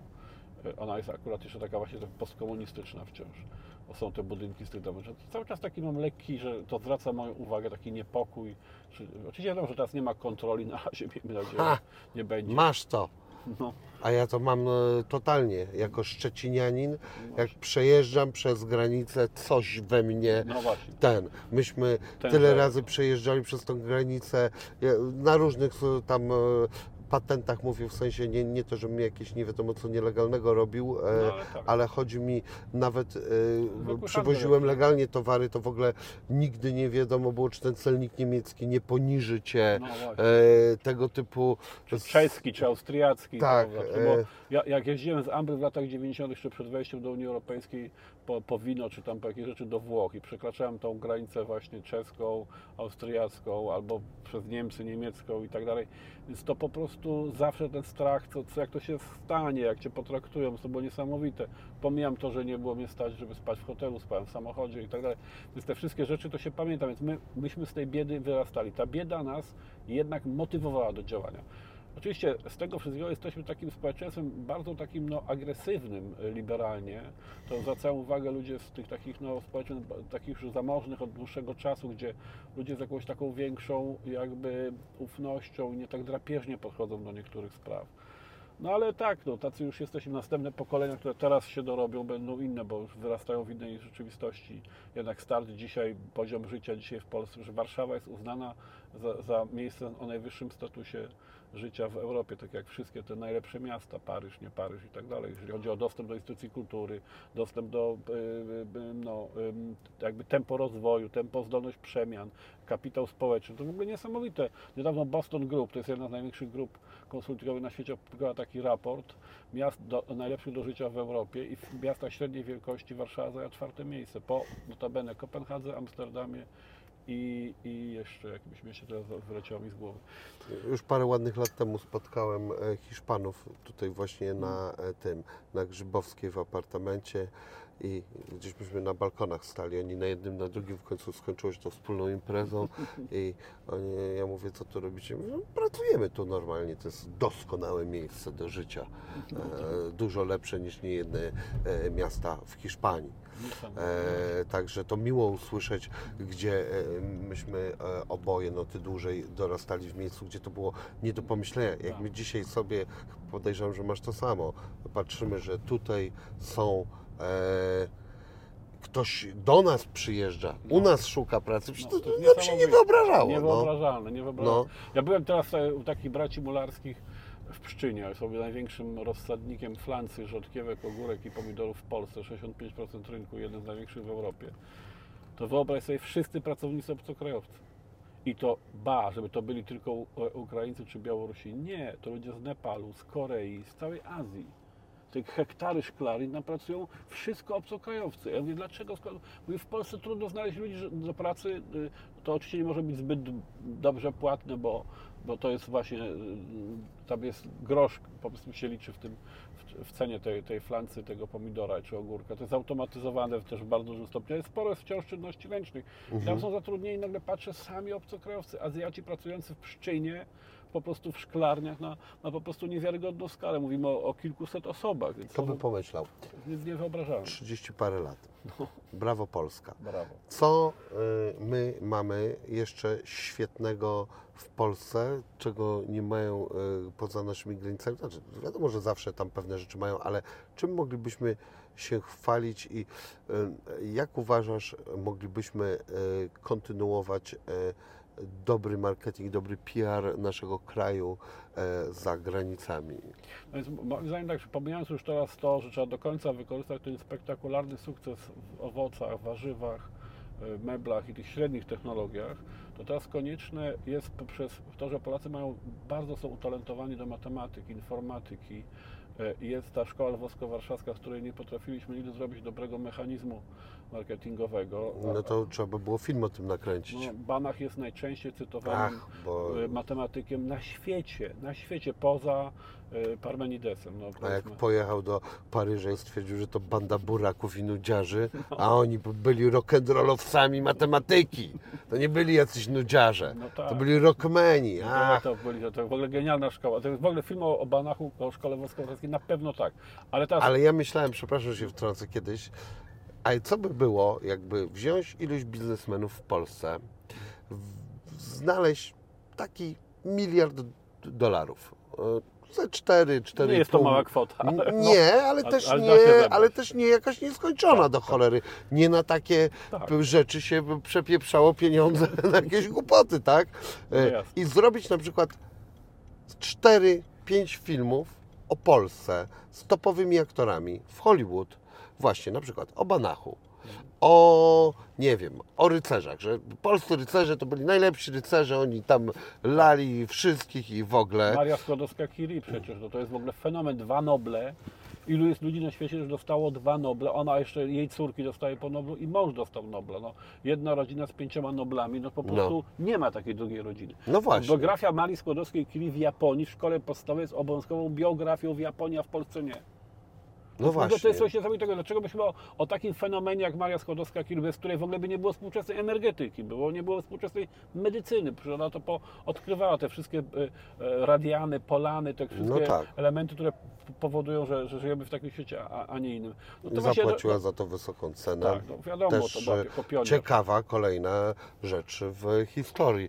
E, E, Kobieta, która miała romans z Einsteinem, która, miała, która po prostu obracała się w najwyższych elitach po prostu Mhm. światowych. No więc w ogóle nie, y, to jest, no, to jest nie, pierwsza, pierwsza zresztą profesor na Sorbonie kobieta, więc no w ogóle no, odjazd, kompletny odjazd, biografia. My tego nie potrafimy zrobić. A więc ja się z Tobą zgadzam, należałoby zrobić takie przecięcia, one aż tyle miliardów nie będą wcale kosztowały. No, ale Więc- takie, ja mówię o wielkich produkcjach niektórych takich i też trochę puścił e, w pewną nawet bajkę. Na zasadzie takie właśnie, nie wiem, film, że drugą wojnę światową to myśmy z nami zaczęli, myśmy ją wygrali, zaczęli, potem jeszcze obaliliśmy komunizm. Czasami nagiąć, tak jak to robią inni. Z taką pompą. Ale więc, Brad Pitt powinien grać wszystko. Tak.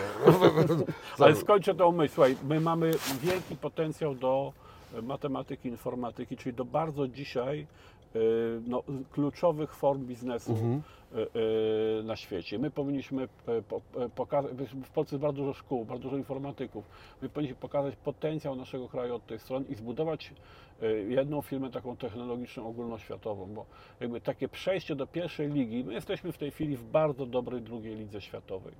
Absolutnie jesteśmy liderem tej drugiej ligi. Jesteśmy w każdej stanie tuż być, że tak powiem, w ekstraklasie najszybszych gospodarek świata. Potrzebujemy po prostu jednej firmy globalnej. Także każdy człowiek na świecie wie, że to jest firma z Polski. I taką firmę musimy zbudować. Czy to będzie ten, e, to Saule z tą nową foto, fotosyntezą, czy to będzie ten jakiś, prawda, laser niebieski, czy będzie coś jeszcze innego, czego nie wiemy co, bo ciągle się słyszy o jakichś wynalazkach, a to jakaś sztuczna ręka, a to, a to jakiś patent na e, Parkinsona medyczny, a to jakieś inne rzeczy. Z której z tych rzeczy musimy zrobić firmę globalną, najlepiej usługową, tak jak właśnie te firmy z Doliny Krzemowej, wiesz, ten, czy, czy Uber, czy, czy e, e, Płacenie 24, czy e, e, no Facebook, Google oczywiście, Amazon, tak. coś takiego musimy zrobić. I to wtedy spowoduje, że wejdziemy do pierwszej ligi. No mieliśmy ten grafen, ale chyba Właśnie. to zostało położone. E, I Samsung i chyba Koreańczycy nas tym wszystkim e, e, prześcignęli, bo tam zabrakło miliarda złotych. Nawet chyba nie dolarów z tego co pamiętam. Tak, miliarda tylko złotych. miliarda złotych lepiej zapłacić za lekcję e, religii, e, ten miliard. To jest lepszy pomysł. Słuchajcie, niech tacy kolesie w czarnych sukienkach, którzy nienawidzą innych kolesi w sukienkach, e, opowiadają takie różne bajki, których nigdy w życiu nie wolno nazwać bajkami, bo to jest bardzo nie na miejscu, e, dzieciom. E, niech im o tym ten, dajmy na to miliard, po co nam grafen i fajna firma technologiczna, bez sensu w ogóle. Dajmy to im. No właśnie, tak. Tak. Taki to jest pomysł. paradoks, w którym my żyjemy. Marnowi, marno, marnujemy takie zasoby niesamowite. Ale to jest, to jest znaczy informatyka, zaradność, też my mamy taką karmę przetrwania. To, to mówią wszyscy, którzy przyjeżdżają Okej. do Polski, że Polacy się nie poddają. Jak Hitler napisał do swoich dowódców, tylko jeden naród mi zaimponował w czasie II wojny światowej, to byli Polacy. Ta bitność, ta przedsiębiorczość, to zorganizowanie struktur nielegalnych, to nieustępowanie. Żaden inny naród nie zrobił na mnie wrażenia poza Polakami. No To dobra, to. ale patrz, to ja teraz kontrę Ci do tego przyłożę. A Ty powiedziałeś o tej jednak pewnej praktyczności i o tym na przykład jak dogadywałeś się z postkomunistami i jednak, że czasami potrzeba w pewnym działaniu praktyczności. To może myśmy cholera jasna byli głupi w tym wszystkim, bo e, teraz jestem akurat po biografii Coco Chanel. Tam ci Francuzi się nie pierdzielili. Dziewczyny rozkładały nogi, poeci pisali wiersze Niemcom i co? I Paryż, kurde, cały jest Przetrwał. e, przetrwał. E, e, w jakim miejscu są Francuzi? Przed nami, cholera jasna. Jak nas tak. potraktowano przy II wojnie światowej, nawet na defiladzie nie byliśmy. Anglosasi sprzedali nas jak po prostu, nie wiem, marchewkę na e, I, rynku. I dlatego decyzja o samym powstaniu warszawskim jest decyzją oczywiście bardzo kontrowersyjną, bo to po- prostu skala zniszczenia tego miasta i ludzi tutaj wybitnych, wspaniałych, to, to jest coś, czego się właśnie ciągle podnosimy do, do dnia dzisiejszego. No ale tak, to już było, tego nie cofniemy, to podjęli taką decyzję różni dowódcy chyba niepotrzebnie, ja, ja dzisiaj to oceniam negatywnie, ale to się stało, to już nas zmieniło, my już tacy jesteśmy, my potrafimy przetrwać najgorsze nawet. I to jest coś, co jakby z punktu widzenia menadżerów, liderów, firm jest wspaniałą cechą. Nam się udało zrobić taką e, globalną sieć, że to właśnie są, że jest duża firma, że są, Amazon zatrudnia tam nie półtora miliona czy trzy miliony ludzi e, na, na całym świecie. No i powstanie jedna polska firma, która ma, ma kilkaset tysięcy pracowników. No była firma, która nieźle się rozwijała z komputerami na początku lat 90. To ją dojechała bezpieka i faceta do pudła wsadzili. On chyba no, skończył pamiętam. owcze sery robić. On miał, on Kluska. Billa Gatesa znał ten gościu. Billa Gatesa w tamtych y, czasach. Y, k- Gdyby y, ta firma została, to to mógłby być ten cholerny lider. No E, Ale w dalszym ciągu ten Komar i inne firmy, które przetrwały, w dalszym ciągu w Polsce jest bardzo duży potencjał, ogromny potencjał informatyczny. Mi się wydaje, że to jest jedna z tych dziedzin, na które my powinniśmy postawić. Fajnie by było. Wrocław podobno tutaj e, ten, e, tak. W Szczecinie też jest całkiem dużo e, informatyków, natomiast e, jednak e, e, no kurde, no Estonia lepiej sobie w tym poradziła, no taki mały kraj, no nie? E, i Czasem małemu jest łatwiej, ale to znaczy jak, Chyba Irlandia też, e, Też nieźle w to tak. poszła, no. a my wszystko jeszcze przed nami. No, ostatni, kongres, Wiadomo. ostatni kongres PiSu akurat trwa, więc zaczyna O. się nowa epoka. Panie Jarosławie, czekamy. Słuchaj, teraz czas na prezenty. O. Ja ten, e, tak, mam dla Ciebie parę prezentów. Proszę, Wow. sprawdź. Najpierw Co, taki co mam. to jest? Co to jest? Co to może być? Gadające pudełko. Gadające pudełko, tak. Zobaczmy, to jest jakaś bluza albo Słuchaj, masz bluzę klasyczną Bardzo e, od mojej firmy 100%. 100%. E, Świetnie. e, po prostu bluza taka klasyczna. Dzięki, dzięki serdecznie. I mam jeszcze gadające pudełko, do tego masz. E, I mam jeszcze takie dwa małe gadżety. E, Poczekaj. A właściwie nawet trzy się okazuje. Paprykarz winiego, bo jestem ze Szczecina. Kto tego nie jadł w młodości na kempingu albo na No, spływie kajakowym? Teraz paprykarz przechodzi w ogóle renesans w Szczecinie. No. Bardzo duży. E, Szot winiego, to coś jest twojego pola. I kto ma ego, i kto ma ego, kto ma pychę. Ja mam ego, ja nie mówię. Ja się nie, nie, nie wy ten. E, nie mówię. I Czy to, to, jest, to, to jest, czyli to jest co? Taki suplement na... Słuchaj, no tego się pije mało i to jest takie uspokajające coś, a jakbyś wypił pół, to byś po prostu miał efekt y, upalenia się A, marihuaną. Ale nie ma w tym THC, są e, CBD i wszelkie dodatkowe ekstrakty, Super. które są w marihuanie. I jeszcze masz od 100% skarpetki e, z podobnym logo jak Wspaniale. Ja, mam, ja też mam jakieś drobiazgi.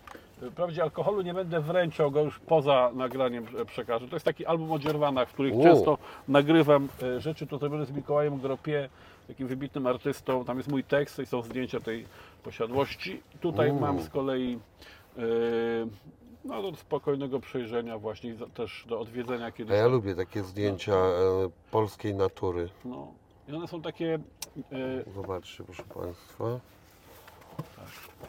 O, tak to wygląda. Tak. Bardzo ładne.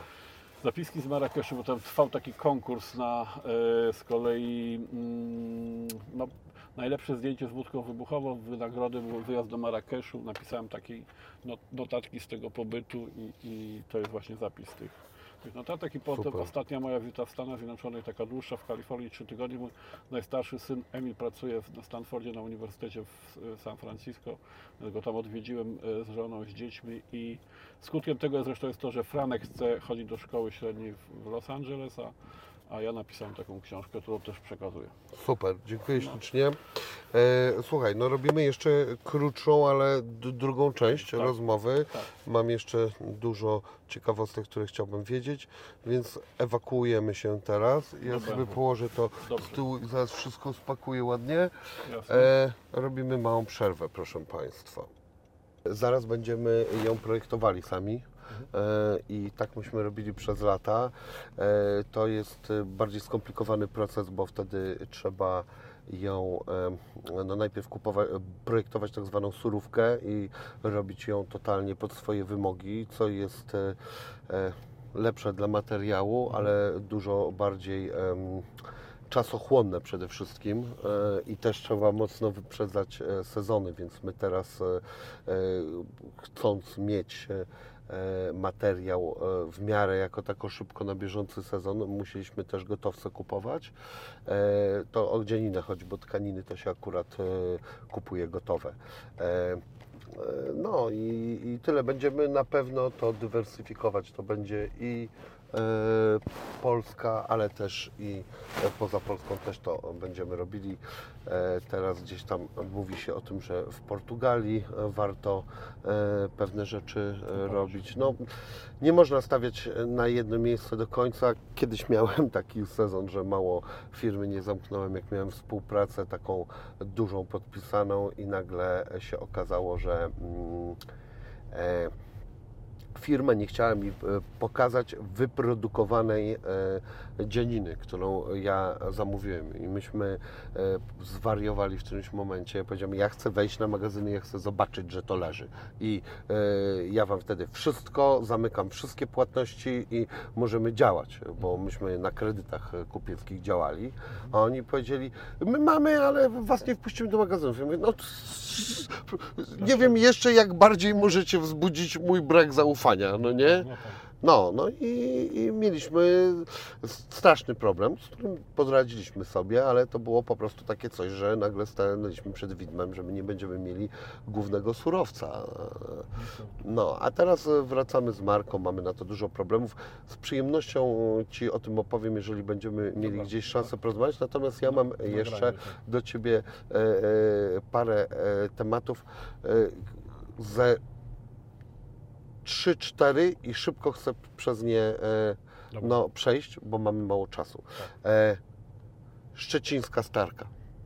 No to wspaniała sprawa. To jest jeden z takich alkoholi, tak jak żubrówka, których Polska była znana i jest znana na świecie. No, Tam jest tak skomplikowana struktura własnościowa y, i jest taki konflikt i syndyk i, i wzajemne e, pretensje stron, że po prostu tam nie ma co kupić. Znaczy to, to nie wiadomo co się kupuje, co, więcej ten taki współwłaściciel amerykańsko-kanadyjski jakiś jest po prostu, yy, no ma tak duże wyobrażenia na temat wartości, bez uregulowania z kolei do końca tej własności, że ja to kiedyś badałem parę lat temu, to była fajna rzecz, ale moim zdaniem to jest zbyt zagmatwane prawnie i A to się nie zmieniło jakoś własnościowo ostatnio? Mi się wydawało, że chyba już e, jedna rodzina i to w Polsce to ma. to może jest coś, czego nie wiem, ale jak jeszcze powiedzmy dwa lata temu, czy trzy lata temu myśmy to badali, to wydawało się, że to jest węzeł nie do rozwiązania po prostu. Jeśli jest inaczej, to ja się chętnie tym zainteresuję, bo taki projekt starzenia alkoholu jest jednym z naszych projektów, które my robimy w ramach Skarbca Palikota i to jest coś, co oczywiście ma sens, bo brakuje w ogóle starego alkoholu na świecie. To po prostu wejście Chińczyków i Azjatów na rynek whisky i starzego, starzonego, starzonego alkoholu, wina i tak spowodowało, że u producentów nie ma już alkoholu starszego niż 10 lat, a często i tych 10-letnich jest bardzo już mało. W związku z tym jest ogromne zapotrzebowanie. na To są jakieś typu beczki chyba 30-letnie czy coś no, w tym stylu. Starsze lat 60-letnie, tak. E, I kurczę, no ta oryginalna butelka Starki, bo, no, bo był tak. taki lekki kambęk bardzo zasmucający, Mm. e, gdzie takie w ogóle, no butelkę zrobili okropną Tak, i ona jakby w ogóle e, o... odarła e, ten e, produkt z jej e, e, tak, tak, estymy całej. aury takiej, Tak, tak, no. i aż, aż to się smutno na to patrzyło.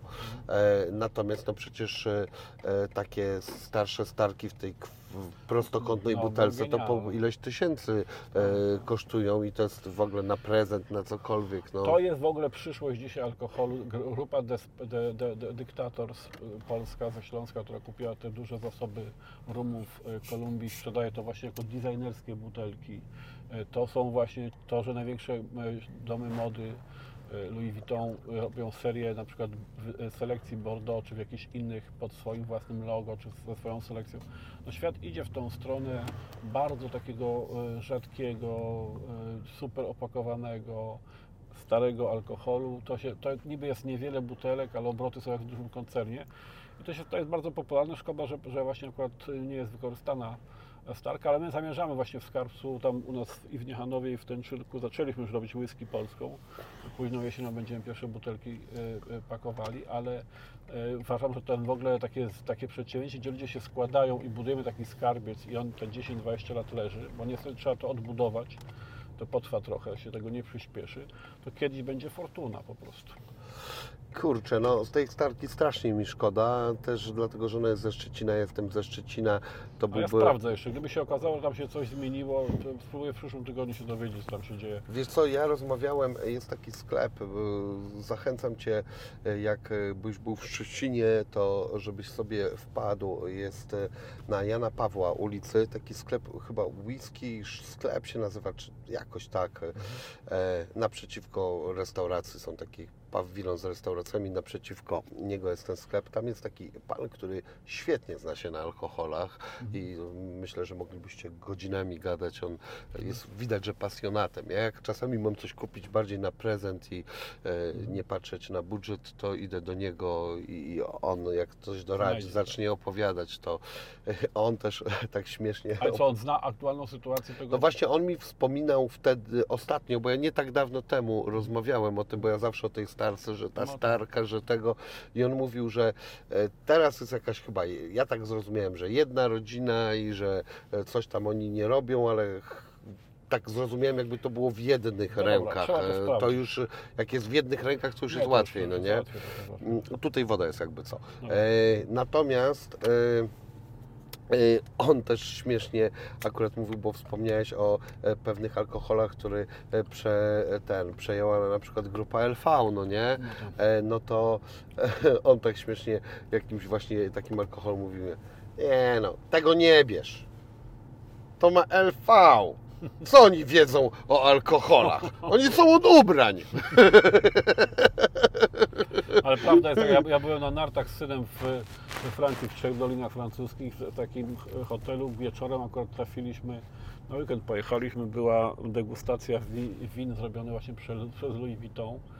E, I to było e, człowiek, który o tym opowiadał. Oczywiście oni go wzięli spoza swoich zasobów. E, No, no, bardzo kompetentny. I Tylko chcę, tylko, ja nie mam żadnego interesu w Louis Vuitton, nic w ogóle nie tego, tylko e, chcę podkreślić jedno zjawisko. Na przykład całkiem niedawno Dolce Gabbana wypuściło szampana, takiego pełnego kolorowych kwiatów i tak dalej.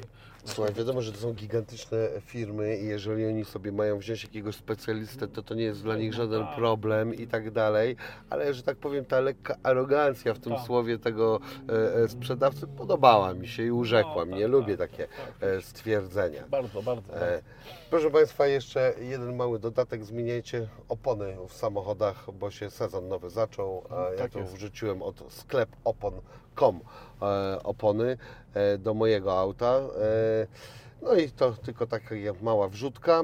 Natomiast wracając do tematu, no Starka, dobra, okej, no sz- kurde. Jak będzie szansa, to ja jestem do dyspozycji. Będzie No. szansa tam kupienia tego, zrobienia czegoś, to jestem do dyspozycji, a jak nie, to zbudujemy starkę w, Szczecin, w, w Tęczynku. Słuchaj, no to gdybyś gdzieś potrzebował e, kogoś do e, pracy przy tym bardziej e, marketingowej, to e, ja się piszę jak najbardziej, bo e, to jest coś tak dla mnie z serca po prostu. Natomiast no właśnie, jak, Jak, piwo zielone jesteśmy... z Biłgoraja, bo w Biłgoraju z kolei moim rodzinnym ponoć w czasach Jana III Sobieskiego Marysia Sobieska pisała o tym do niego, produkowano tak zwane piwo zielone. Dlaczego ono było zielone? Nie wiadomo, bo jednego browaru nie było, tylko ludzie robili to po domach. Prawdopodobnie było to piwo bardzo świeże, albo dodawano e, takie zielone szyszki chmielu, czy też może jałowca, e, które powodowały taki kolor zielony i, z- tego jakby słynęło e, to piwo biłgorajskie. Do tej pory się nikomu nie udało otworzyć receptury. No też, e, e, ale też e, pytanie, jak to było tak dawno, to czy, Czy to- to jak w ogóle do czego Tak. porównać też No na tak. swój sposób. No.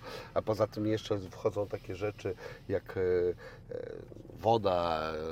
e, e, Ktoś kiedyś oglądałem program o skrzypcach Stradivariusa i ktoś powiedział, słuchajcie, nie da się ni- idealnie nigdy odwzorować, bo nie ma tych drzew, które rosły w tamtym czasie, w tym momencie. Teraz będą drzewa, ale inne będą. No, Tak. no, wtedy one Inne były tempo takie. przyrostu, inna No, więc Tak, o czym my mówimy? Nie, ale, ale swoją drogą oczywiście to się do, otworzyć całkiem nie, nie da, ale piłem na, na przykład niedawno właśnie w Los Angeles zieloną herbatę IPę japońską e, z zieloną herbatą i była absolutnie fantastycznie skomponowana. Kolor miał bardzo zielony, a smak był taki właśnie tych amerykańskich mieli e, orzeźwiający, taki cytrusowo-limonkowy z lekkim takim twistem właśnie e, herbaty. Także super to było. E, Będąc e, przy reklamie, e, ja wspomniałem, co jest z reklamą alkoholi, bo ja wiem, że Wy macie Tak. teraz sprawę. Zarzuty, tak. Tak, możliwe, że ja w ogóle sobie też powinienem porozmawiać z tym owym panem śpiewakiem, Tak. gdzie tam żartowaliśmy. E, wiesz co, powiem Ci tak. Ja się zastanawiam a propos no, problemów z rozpijaniem narodu i tak dalej. E, To są rzeczy. Ja na przykład papierosów jestem mocnym przeciwnikiem, tak? E, Może e, ten, a alkoholu jednak. Ja widzę jeden problem, że kurczę, dobra, pozabrania się absolutnie reklamy tego alkoholu, ale cholera jasna to strasznie mm, daje możliwości koncernom zachodnim. No bo one e, One sobie mogą marki. to reklamować w różnych krajach na tysiąc sposobów. Mogą Justinowi Bieberowi dać Tak. e, komuś, a nagle my zaczynamy jako Polacy e, Jak upierdziela nasz lokalny biznes. No, dokładnie. E, jak marka jakaś istnieje 200 lat, powiedzmy jakiegoś szampana, wina, whisky czy czegokolwiek, czy 100 lat, czy 50 lat, już jest znana. To jak nowe marki, e, polskie marki powstające, czy jak mają w ogóle szansę nawiązać jakąkolwiek konkurencję z tymi właśnie starymi, skoro one po prostu nie mogą się reklamować, ani w żaden sposób prezentować. No to, to jest po prostu, ale to jest jedna rzecz. A druga rzecz, reklama, czy też jednak jeżeli my mówimy nie chlej, tylko degustuj, jeżeli my mówimy zestaw alkohol z jedzeniem, zobacz e, po prostu, który jest lepszy, nie pij byle czego.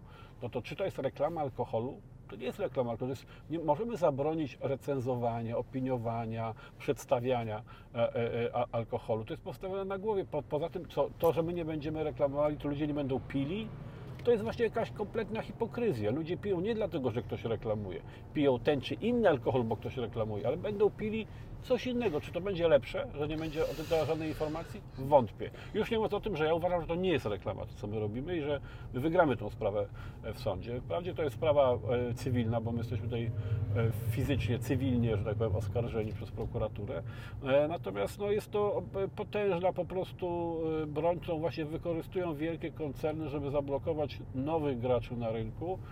W zasadzie się tym wielkim opłaca, żeby tej, tej reklamy nie było. I jeszcze jedną rzecz powiem, no, dobrze, jak jest promocja trzy piwa w cenie dwóch, albo jest na przykład połączenie różnych produktów z różnych sfer, to to co, to to jest dopuszczalne? W Bie- W Biedronce, w każdym innym, tym można sobie, e, w, w, w każdym, bo to chodzi o Biedronkę, w każdej sieci są e, promocje tego typu i one są ok, a to, że ktoś mówi, prawda, że ta wódka z ziemniaka jest lepsza od innej z wódki z ziemniaka, to to jest nie, dlaczego? To jest po prostu niepojęte. To jest, to jest tyle, tak samo jak kiedyś z marihuaną, to jest tyle zakłamania i fałszu. Ja uważam, że oczywiście nie można podkreślać walorów zdrowotnych, sportowych czy jakichś seksualnych, ale jakościowe, że coś jest lepsze. No ale gorsze. widzisz, z drugiej strony jednak e, są pewne, ja uwielbiam taką reklamę, jest takie piwo kraftowe e, duńskie, kurde, nie pamiętam nazwy, ale e, na YouTubie oni mają reklamę e, i po prostu o, jest jak wchodzi taki dziadek do pokoju i po prostu wypija to piwo i go cały demoluje pod death metal. E, I to jest po prostu tak śmieszne e, i uwielbiam tą reklamę. Myśmy e, kiedyś dawno też e, robili e, na przykład filmik, bo zrobiliśmy piwo i zrobiliśmy ala Pablo Escobar, e, taki sobie po prostu film. Natomiast no jednak mm, kurde, no dobra, no nie chodzi o to, żeby ludzie byli alkoholikami, ale z drugiej strony Lepiej niech e, piją lepszy alkohol i sprawdzony niż nie wiadomo co. Mm, No a z drugiej strony chyba i tak e, z, pożycie piwa bardzo mocno wzrosło, e, No które, właśnie jest reklamowane. które e, jest reklamowane non-stop. No Właśnie. Znaczy, A. dlaczego nie ma być reklamowana whisky czy wino, a ma być reklamowane piwo? No, ja jestem producentem też piwa, ale nie rozumiem po prostu tego, co, czy ktoś wypije 10 piw, to wypił mniej niż butelkę wina? No to samo ma, tą samą ilość alkoholu ma, że przyjął to w piwie, a nie w winie, no jakie to ma na końcu znaczenie? Więc ja, jest tutaj moim zdaniem coś nieuregulowane. Jeszcze inną rzeczą jest to, że pamiętaj, nam się zarzuca za e, reklamę w mediach społecznościowych, czyli tam, gdzie masz bramkę 18, tam, gdzie masz, musisz sam wejść, musisz wejść na moją stronę, musisz być zaproszony. To jest ileś czynników, które powodują, że dostęp do tego jest ograniczony, a na końcu przecież ktoś musi mieć 18 lat, żeby móc to kupić zgodnie z prawem w Polsce. Więc ja tutaj naprawdę uważam, że jest więcej y, takiej fałszywej tej, zresztą ku mojemu zdziwieniu poparł nas akurat w tej sprawie Rafał Ziemkiewicz, który zaczął swój esej. Nigdy nie, nie myślałem, że powiem coś dobrego o Palikocie, a jednak będę go bronił przed śpiewakiem. Okej. E, b- Jeszcze e, bardzo szybko dwie rzeczy. E, KNF teraz oni powiedzieli, że e, wy na swój sposób e, e, działacie na, trochę na zasadach banku, a nie jesteście bankiem. Czy to był główny zarzut KNF-u, czy Nie, ja mieli- coś źle zrozumiałem? Myśmy mieli kilka postępowań z KNF-em, które nie zakończyły się żadnymi karami, dotyczyły zbiórek tych crowdfundingowych. Mhm. Y, No, na szczęście wchodzi taka duża regulacja i bardzo dobrze y, przygotowana przez Unię Europejską, ale wchodzi właśnie teraz y, w Polsce E, e, tu chyba nie można skręcić teraz. Nie, zawrócimy. I, Tam e, e, która po prostu e, no, opisuje, czym są e, właśnie te zbiorki crowdfundingowe, trochę zwiększa kwotę, wprowadza koncesjonowanie. Czyli tych- będzie ponad te milion euro? tak, Bo ma to- być 2,5 miliona euro i ma być Mhm. też, mają być podmioty uprawnione, które spełniają pewne kryteria. Mhm. No, no i dobrze, że to się racjonalizuje, ale na, powtarzam, myśmy mieli 7 czy ileś postępowań, żadne się nie zakończyło żadną karą. I jeszcze chcę powiedzieć drugą rzecz, równie ważną, mianowicie p- KNF nie ma nic do systemu pożyczek, bo, KNF się pożyczkami nie zajmuje, tylko on się zajmuje właśnie e, instrumentami finansowymi takimi jak akcje, obligacje i, i weksle, tego typu rzeczy, ale nie pożyczki. W związku z tym to, że my zbieramy teraz w tym crowdlendingu jakieś pożyczki, nie, nie jest przedmiotem żadnego postępowania i mi nic nie wiadomo, żeby KNF cokolwiek w tej chwili prowadził w związku z naszą działalnością. Więc to była całkowita kaczka dziennikarska, za którą się tłumaczę już od dwóch miesięcy zupełnie bez No ale e, dlatego, słuchaj, o to pytam, bo o tym przeczytałem. No właśnie. E, teraz tak, e, kurde, no i temat, który w ogóle zasługuje na minimalne pół godziny, a zszedł na... E, Ostatni plan. s- Tak, no muzyka w Twoim życiu Aha. i Wasz teledysk, e, od którym Królem. chciałem pozwolić sobie na małą recenzję. E, który był z e, Kubą, e, no, tak, Tomkiem Ciosym, tak, tak, i- z królem, tak, z Błażejem Królem. e, e, Stara, stary kawałek z mojej młodości. no właśnie, Zróbmy więc prywatkę, prywatkę tego oddziału zamkniętego. No, kto nie tańczył przy tym utworze? Nie wiem, czy ja tańczyłem, może tak, może nie. Natomiast wiesz co, obrazek wygląda dobrze, a zabrakło w nim kropki na D, takiego ostatecznego jakiegoś dociśnięcia, takiego ostatecznego szaleństwa. Yy, ładnie to wygląda, ale po prostu obejrzałem sobie, mówię, kurde, no ale gdzie tu jest jakiś taki naprawdę konkretny odpał? Yy, I i tego absolutnie mi zabrakło. Chyba tak, będziemy musieli. A em, wyświetlenia też, kurde, były takie. Spodziewałbym się mo- mocniejszych. E. Mieliśmy absolutnego pecha z tym utworem, ponieważ trzy dni później, czy pięć dni później wybucha wojna na Ukrainie. Mhm. I myśmy musieli zdjąć w ogóle promocję tego, bo nie wypadało po prostu w, w obliczu wojny pchać ten utwór. Czy teraz jest jaki, jakaś szansa na powrót tego ewentualnie? Ja tutaj czasami staję na Stanę na kartach. sekundę i przeżyję.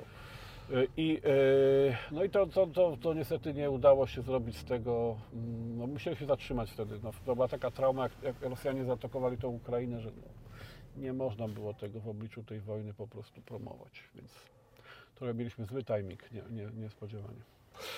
E, no, Ale, ale zabawa była świetna w ogóle, samo to nagranie. Błażej jest kapitalnym gościem, więc to była...